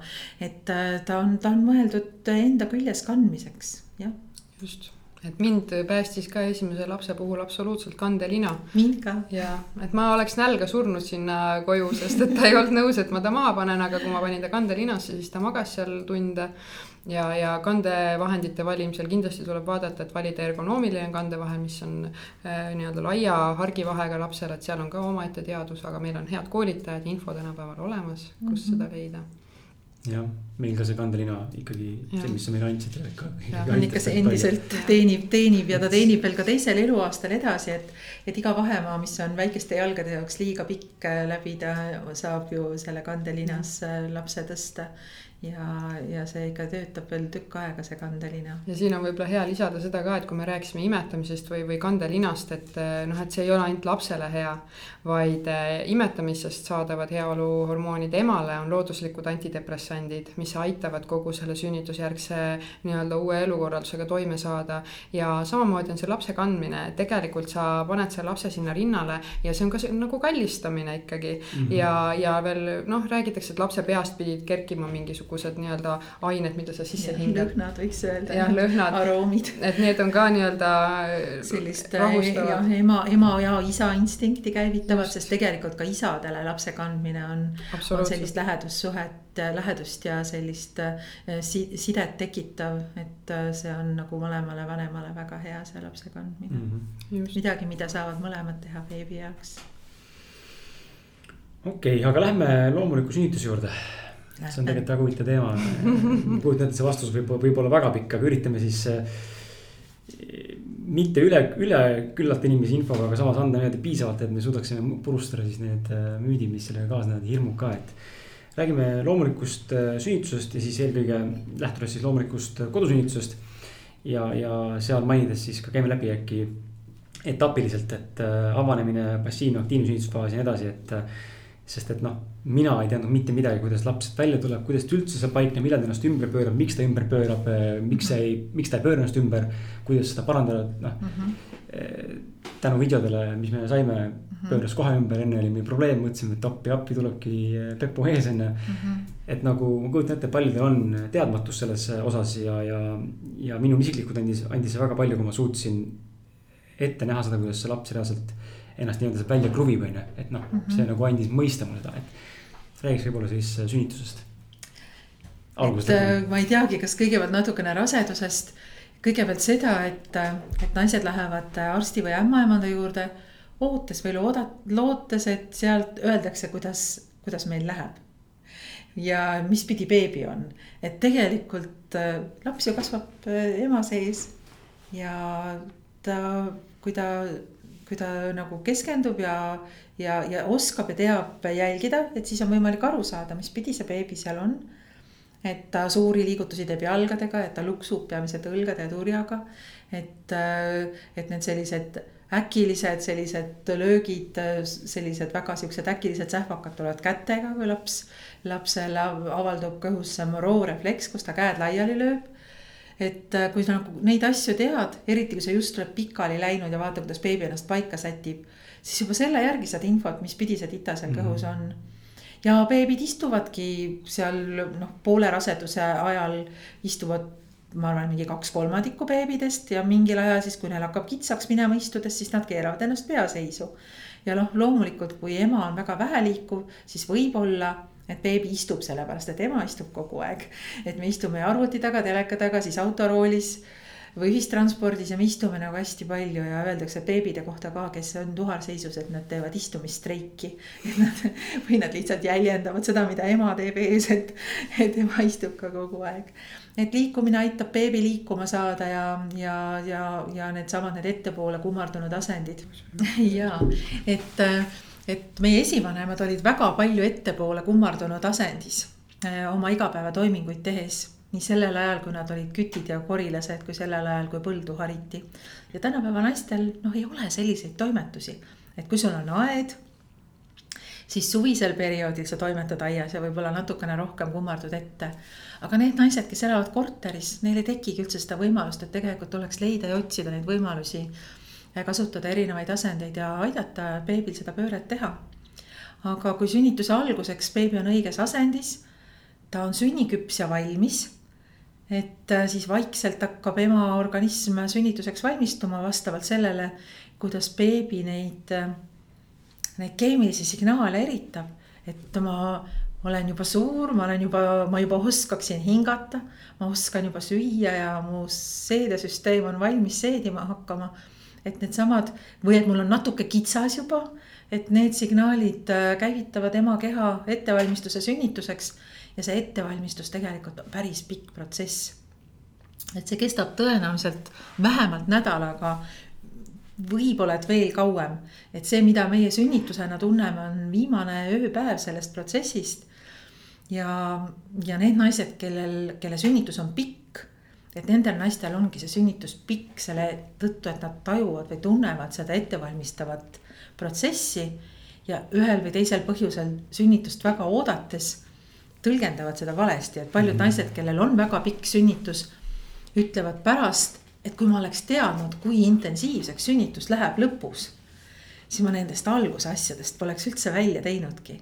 Et see pigem on võib-olla see ootus või lootus, et nüüd on see käes, see kohtumise päev ja tahaks nii väga, et see oleks see päris ja. ja pilk läheb kogu aeg kella peale ja vaatad, et ongi mingi regulaarsus ja süsteem mm selles, mis minu kehas toimub ja kui sa nagu, nagu ise väga usud, et sa oled sünnitusprotsessis sees, et siis sa ka leiad neid sünnitusele sarnaseid jooni sellest, sellest, mis parasjagu toimub, et jaa, emakas rütmiliselt tõmbub toonusesse ja beebi surub allapoole ja, ja, ja isudes on muutus ja võib-olla tekib mingisugune oksendus või iiveldus ja, ja võib-olla lööb kõhu lahti selle, selle sünnieelse puhastumise ja ärevuse savinas, et. et paljud asjad võivad rääkida sellest, et nüüd on sünnitus kätte jõudnud, aga päriselt beebi sünnini läheb veel aega. sest et nii lootakest, mis on selline üsnagi tugev nahkne muna, mis, mis aitab beebil seal kõhus öö, noh, turvaliselt olla, et ainuüksi emaka kael ei kanna titat, vaid lootekott ka loob tema jaoks selle väikese ümara steriilse maailma, eh, kus tal on hea kasvada ja areneda, kus vesi annab talle ruumi liigutamiseks ja kasvamiseks. ja, ja, ja siis see emaka kael, mis on tõesti selline kolme kuni viie sentimeetri pikkune, kõvasti eh, kokku surutud ringjas lihas, mis, mis titat enda sees kannab et selleks, et ita saaks sündima hakata, peab see kõva ringjas lihas muutuma nii pehmeks, nii järeleandlikuks, et ta saab reageerida nendele emaka sellistele lainelistele kokkutõmmetele, mida me nimetame tuhudeks. et, et see, see on see protsess, mis sünnitusel aega võtab ja see teeb sünnituse pikaks. et on naisi, kes kas sellepärast, et nad ei usu veel, et nad sünnitavad või sellepärast, et nad on kuulnud, et näe, sõbranna saadeti kaks korda sünnitusmajast tagasi ja mina küll ei hakka liiga vara rääkima, et, et mina nüüd sünnitan. et mingil põhjusel mõned naised ei märka seda ettevalmistust või lihtsalt peavad seda osaks rasedusaegsest muutusest, sest keha ju muutub kogu aeg ja erinevaid aistinguid on seoses tita liikumise ja liigutamise ja madalama lasetsumisega ennem, ennem sünnituse algust. et mõned naised ei märka seda aega ja nemad ütlevad, et oi, mul oli nii lühike sünnitus et tegelikult ilmselt ikkagi kellegi sünnitus ülemäära lühike ei ole. et mõned sünnitused, sünnitust ettevalmistavad perioodid lihtsalt toimuvad nii märkamatult. sellepärast võib-olla ka lihtsalt, et me ei ole nagu keskendunud või kontsentreerunud sellele. või oleme eitamise faasis, et see nüüd küll mm -hmm. ei saa mhm. sünnitus olla. korduvad sünnitajad, et kui esimest last sünnitad, siis sa lihtsalt ei tea, mida peaks tundma sest et no kuidas sa seletad teisele inimesele no, mis jah. tunne see on, on ju. katsu sa kellelegi seletada üleüldse, mis tunne on. Igaüks natuke isemoodi kirjeldab seda tunnet ja kui sa sünnitad teist või kolmandat last, siis mõnikord minnakse nagu liiga vara sünnitusesse, sellepärast et öeldakse, et oi, teine ja kolmas, need võivad nii kiiresti minna. ja siis nad natukene muretsevadki, et aga äkki läheb nii kiiresti, et, et noh, võib-olla ma ei, võib-olla, et ämmaemand ei jõua minu juurde, kui me räägime kodusünnitusest. või et äkki mina ei jõua haiglasse, kui on plaanis sünnitusmajja minna. või siis, või siis vastupidi, et oodatakse, et noh ikka kõigepealt peab minema selliseks nii hulluks nagu esimese sünnituse lõpus, et see oleks päris sünnitus. ja siis jäädaksegi ootama mida võib-olla, et ei tulegi, et äkki see teine sünnitus ongi nii pehme ja nii leebe, et, et sa ei tunnegi ära, et see on nüüd seesama. ja siis võib juhtuda, et sünnitus on väga lühike. aga tegelikult ikkagi sinna sünnituse sisse peab jääma see sünnitust ettevalmistav faas, mille jooksul siis beebi saab lõplikult valmis. loota kest muutub õhemaks ja elastseks, emaka kael muutub pehmeks ja järeleandlikuks ja vaikselt siis need emaka kokkutõmbed, mis juba raseduse ajal tasapisi on käinud, saavad hakata seda pehmeks muutunud emaka kaela avama. ja siis algab avanemisperioodi aktiivne faas, kui emaka kael on nii pehmeks muutunud, et ta järele anda saab. ja ega ju see on ka vist müüt, ma arvan, üks suur, mina arvasin ka sedasama mehena, et kui veed tulevad ära, siis nüüd tuleb laps aga tegelikkuses ei pruugi no,. see on äh, filmidest, et ja. äh, filmidest pärit nii-öelda, kuna noh, mul on teooria, et kuna enamus Hollywoodi filmitegijaid on olnud väga kaua aega mehed siis nendele see on kõrvalt tundunud niimoodi, et noh, meeletu pahvakas vett ja siis on kiire, kiire, kiire, hirmus karjumine ja siis nad on nagu teinud, vändanud filme aastakümneid selliseid sünnitusest.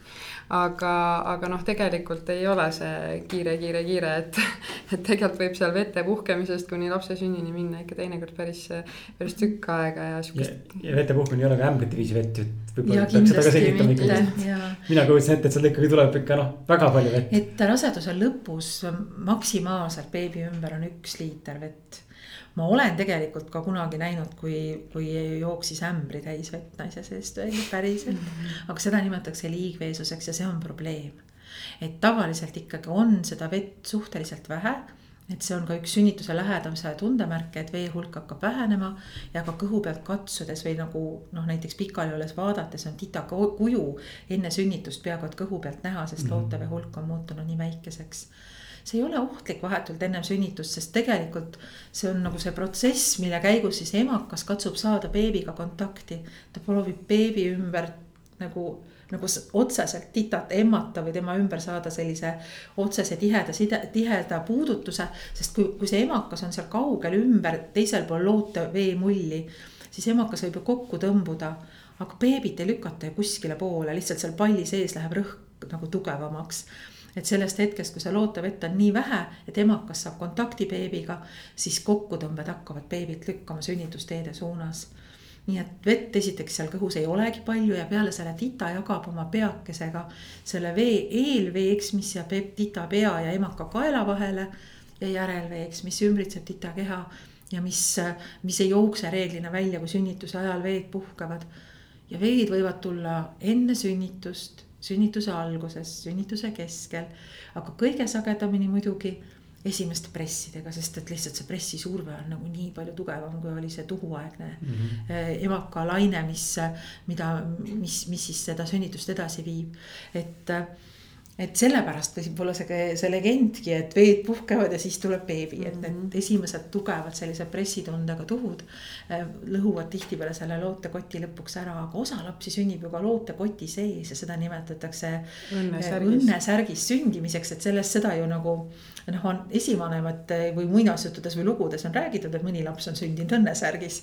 et võib-olla lihtsalt ei tea, mida see tähendab, et see tähendab, et lootekott ei läinudki katki, vaid beebi sündis koos selle lootekestade nii-öelda sisemise kihiga, nii et lootevesi teda endiselt ümbritses.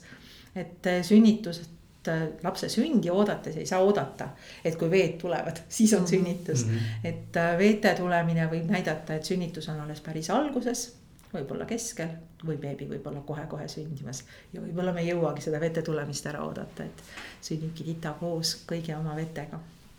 üks ma mõtlesin selle peale, et huvitav on ka see, et, et me ju elame, et algselt me tegelikult ikkagi oleme siis ju veeolendid selles mõttes algupäraselt me ju sünnime, oleme üsas, kus on kogu aeg veega ümbritsenud, me tegelikult hingame sisse seda või noh, nii-öelda sööme või, või, ja lapsed ju joovad ja selles mõttes, et nad harjutavad imemist ja neelamist äh, selle, seda lootevett neelates.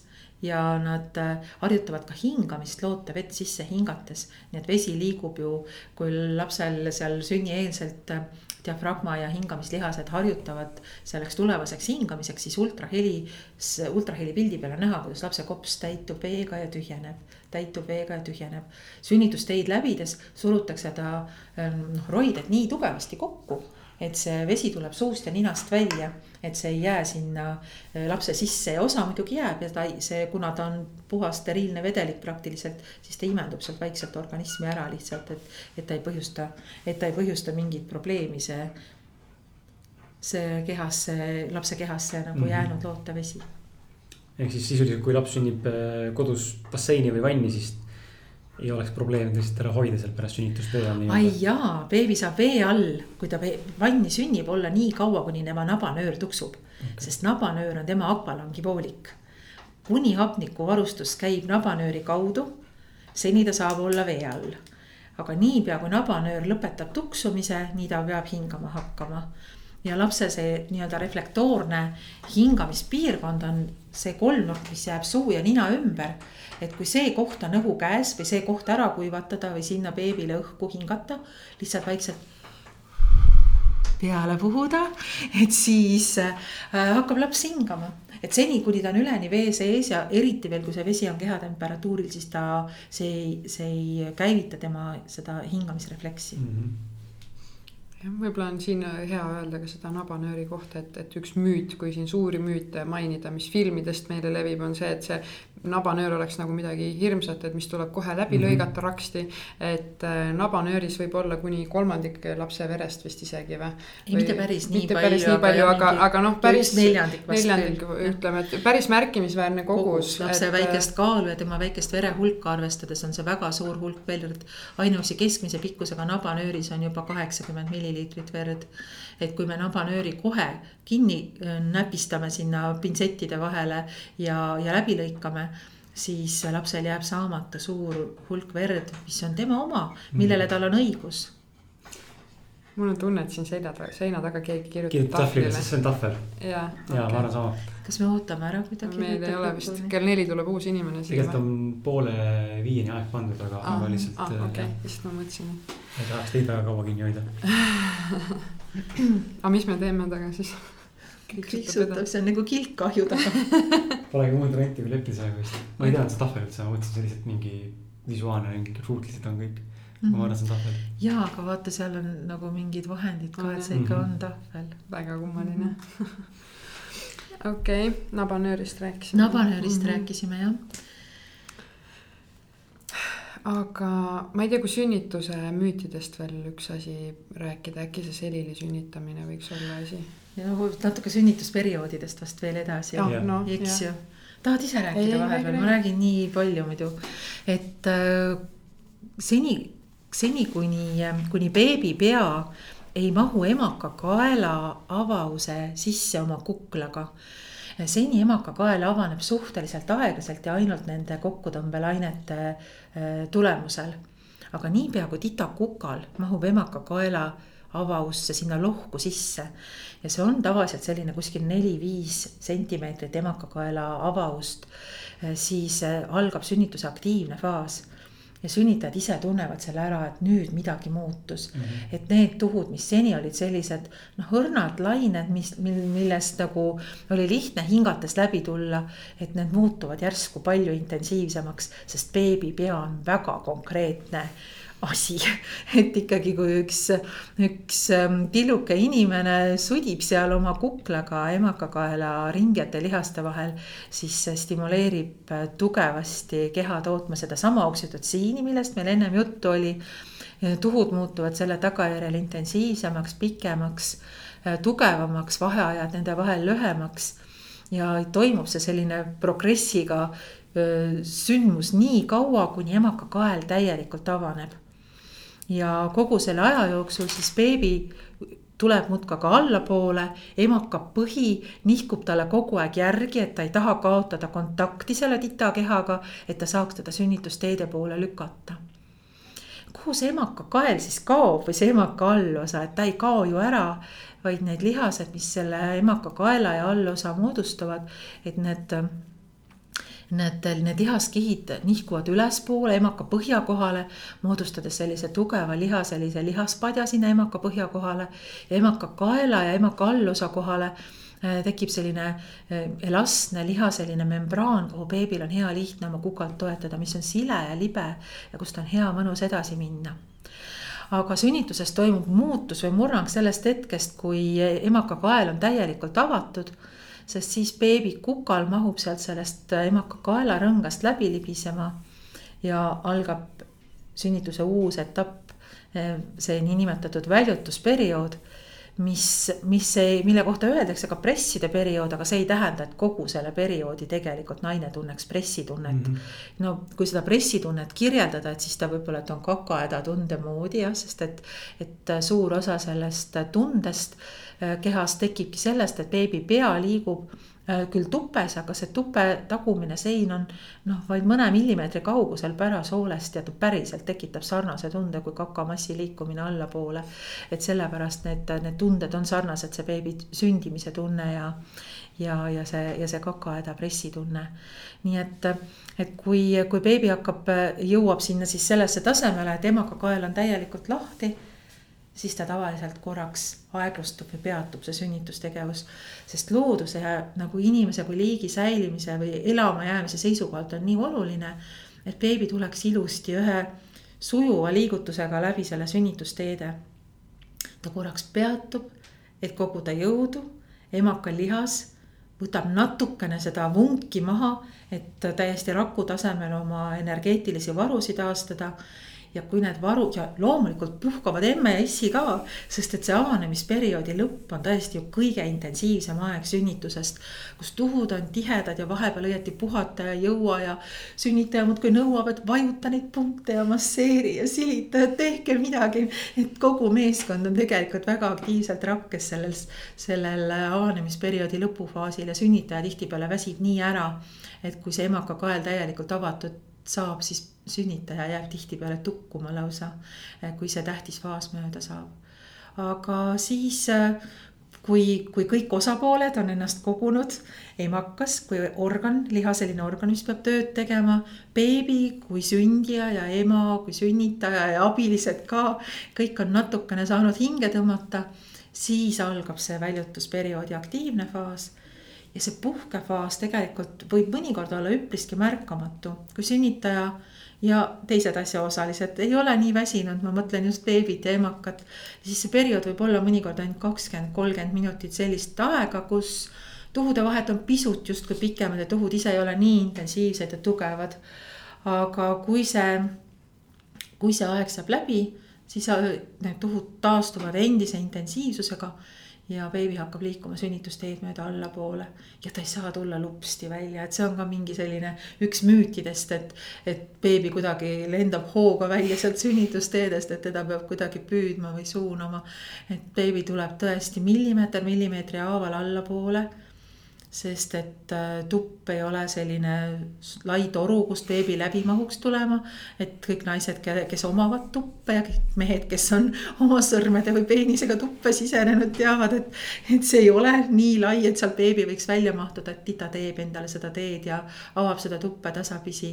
Äh, ja kui ta saab ja kui ta suudab tulla välja, siis ta tulebki, et, et see väljutus või presside periood lõpeb lapse sünniga ja kõige intensiivsemad on just need selle perioodi lõpu sellised tunded, mis on seotud sellega, et tita kukal jõuab vastu lahkliha. lahkliha on see kõige tundlikum ja kõige paremi, parema verevarustuse ja närvivarustusega piirkond. ja sellel kõrgusel, kus beebi kukal on vastu lahkliha, on pressitunne kõige tugevam ja see aitab tital välja tulla. aga mitte ainult, kogu, kogu naise keha tema vaagnaehitus, tema, tema lihaskond, mis väikese vaagna ähm, lihaskonna moodustab.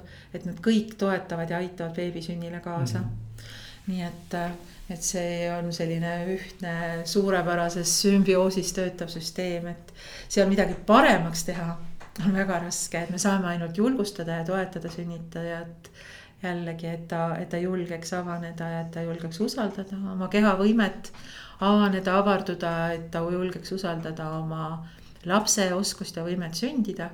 ja usaldada kõiki neid inimesi, kes teda ümbritsevad sünnituse ajal ma võin siin kinnitada ka enda poolt, et näiteks minu teisel sünnitusel ma magasin vahepeal mitu tundi.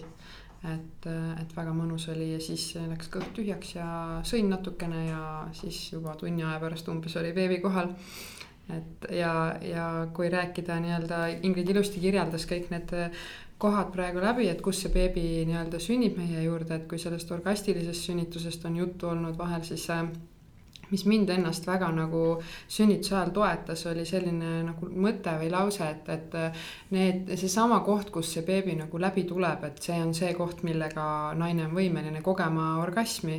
ja, ja mina olen näiteks näide sellest, et, et kui ma vaikselt üksinda seal tuhutasin teise sünnituse ajal, siis ma, ma reaalselt keskendusin sellele, et see on see piirkond, millega ma kogen orgasmi ja, ja ma tajusin oma neid tuhusid orgasmilaine ainetena mm. -hmm. et äh, kindlasti on seal erinevaid meetodeid, kuidas naised selleni jõuavad, et kas nad kogevad äh, orga-, äh, nii-öelda orgasmitunnet tuhude ajal või reaalselt siis, kui laps välja tuleb.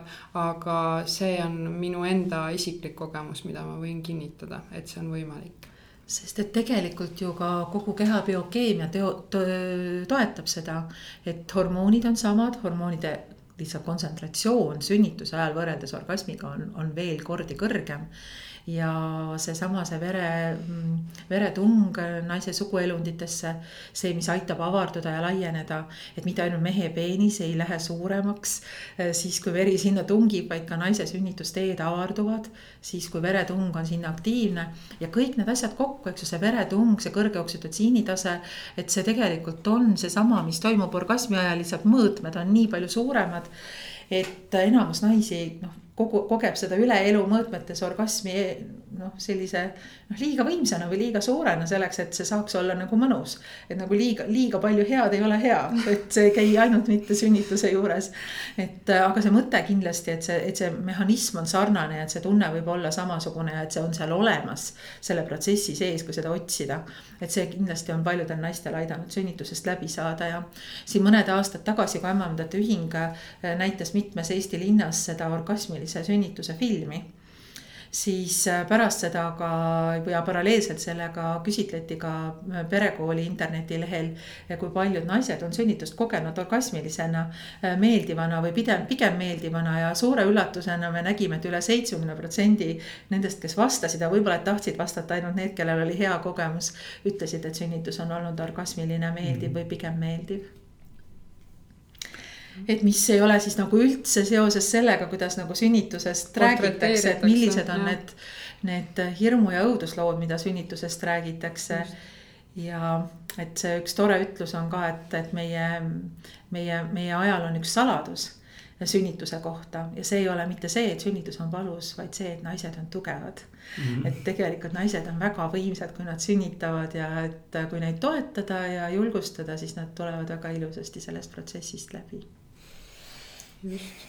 infot on äh, meeletult ja mul äh, nii põnev on minu arust kuulata seda, kuigi ma ikka juba nagu. küsimusi mitte... tekib aina juurde. ja, ja tahaks nagu ainult rohkem rääkida. veel, veel selle, selle juures. aga, aga äh, me oleme tund nelikümmend kaks peaaegu vestelnud juba, tund nelikümmend pigem ma arvan umbes, et ma võtan kaks viimast küsimust mm. -hmm. ja esimene sihuke naljakam natukene, aga inimesi kindlasti huvitab, et räägime küsin siis niimoodi, raseduse ajal seksimine, kas see on ohutu või mitte ja mm -hmm. kas seks on hea mõte sünnituse ajal, sünnituse eelneval faasil või üldse, kas see aitab kuidagi kaasa, me räägime sellest samast, et avada, aidata avada ja oksüdotsiini toota mm. -hmm ma, ma võin selle teisele küsimusele kohe vastata, et tegelikult nii-öelda ma arvan, et minu selle orgasmi kogemise äh, suur osa oligi selles, et, et kuna ma selleks ajaks olin õppinud juba sünnitoetajaks ja ma teadsin kõike seda teooria poolt, eh, siis ma olin otsustanud, et ma tahan panna kõik kaardid mängu ja, ja teada, eh, kuidas seks sünnituse ajal võib positiivset sünnitust mõjutada, tegin inimkatseid endaga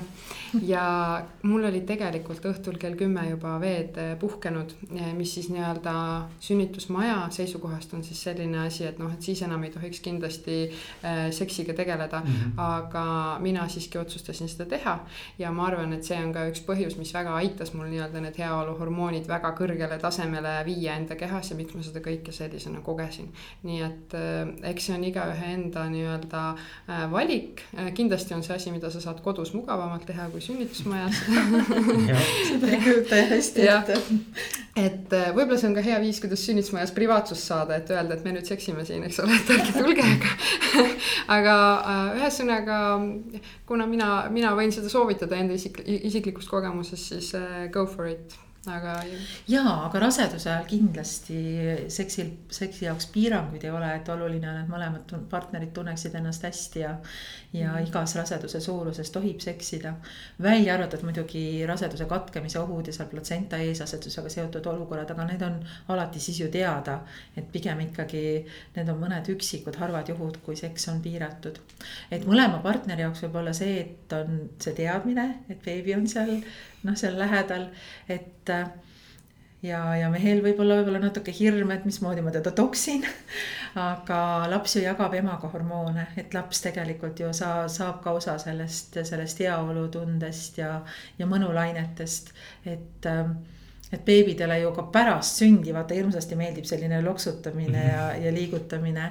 et äh, ma arvan, et nad ka jää, nagu sellisest, sellest, sellest naudingu ootuses neile meeldib see selline, selline loksutamine ja kõigutamine edasi-tagasi. nii et äh, ma usun, et beebidel ei ole midagi selle vastu, et vanemad üksteist armastavad ja see, et hoida nagu tupe verevarustus korras ja, ja, ja naine, naisele ka on väga lõõgastav ja lõdvestav ikkagi äh, suguelu.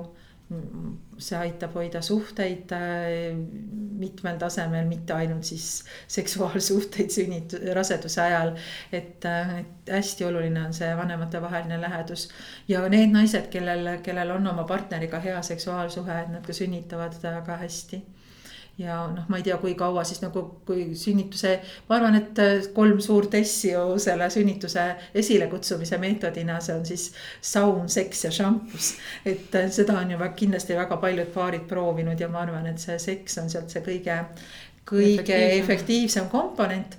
pealegi mehe sperma sisaldab sedasama seda prostaglandiini neid, mis, mida ju selles sünnitusabis kasutatakse prostenoonkeelis emakakaela pehmendamiseks ja sünnituse esilekutsumiseks, et looduslikul kujul siis on ta mehe spermas et sünteetilisel kujul tehakse teda farmaatsiatehases keelina, et emakakaela pehmendada, aga, aga päriselt on ta ju tegelikult mehe spermas olemas ka looduslikul mm -hmm. kujul ma lisaks siia veel väikse sellise mõtte, et noh, et, et mis võib olla raseduse ajal, et kui naise need hormoonid on nii-öelda muutunud ja võib-olla ta ei ole nii-öelda nii seksialtis kohe.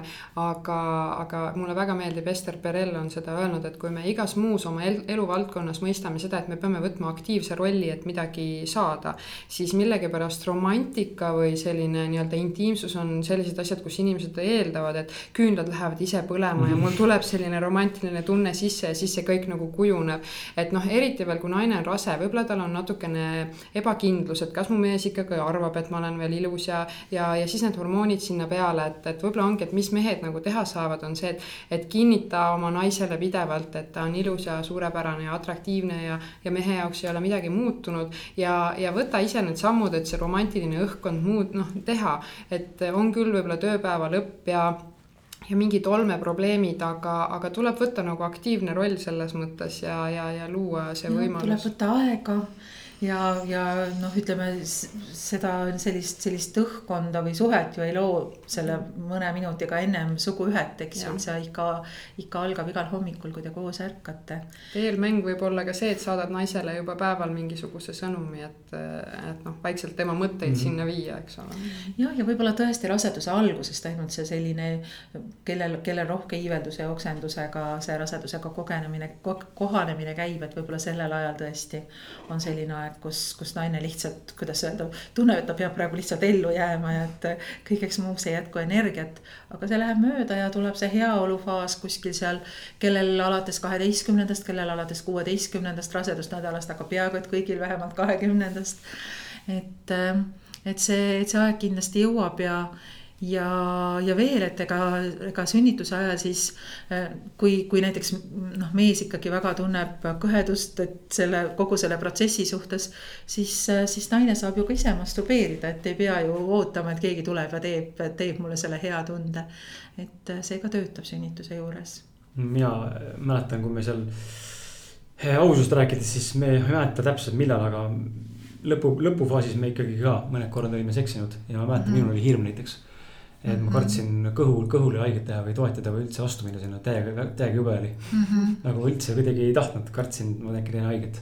see on väga hea, et sa jagad seda et äh, kui ma siia saatesse nii-öelda enne tulemist, ma mõtlesin ka seda, et see saate nimi on Ausad mehed ja, ja selles mõttes, et meil on mingisugune selline kujutlus pandud, et on olemas alfaisased, eks ole mm. -hmm. aga on unustatud mainida seda, et tegelikult, kui on alfaisased, siis on alati seal kõrval ka alfaemased nii-öelda, kellega neid järglasi saadakse, on ju, et kui me siin just järglaste saamisest nagu räägime, et. et me võiksime nagu tänapäeval aru saada üldse sellest, et et tegelikult võiks selle noh, mõnes mõttes sellise, et mehed ei räägi sünnitusest või, või see on kuidagi mingi naiste teema ainult, et ei ole, et see on ikkagi paari teema, kes saavad lapse ja see on nagu hästi tervitatav, et, et sina mehena ka nagu käsitled seda teemat, et eh, mina ei ole veel väga näinud, et mõni mees tuleks mu juurde ja küsiks, et noh, kuidas see sünnitus siis oli sinu jaoks, aga et minu arust ma nagu kutsun üles mehi, et, et eh, rääkige kasvõi omavahel sellest, et jagage seda kogemust, sest see on teie jaoks ka eh, elu muutev hetk ja, ja, ja noh, tehkegi selliseid, ma ei tea, kogemusringe või, või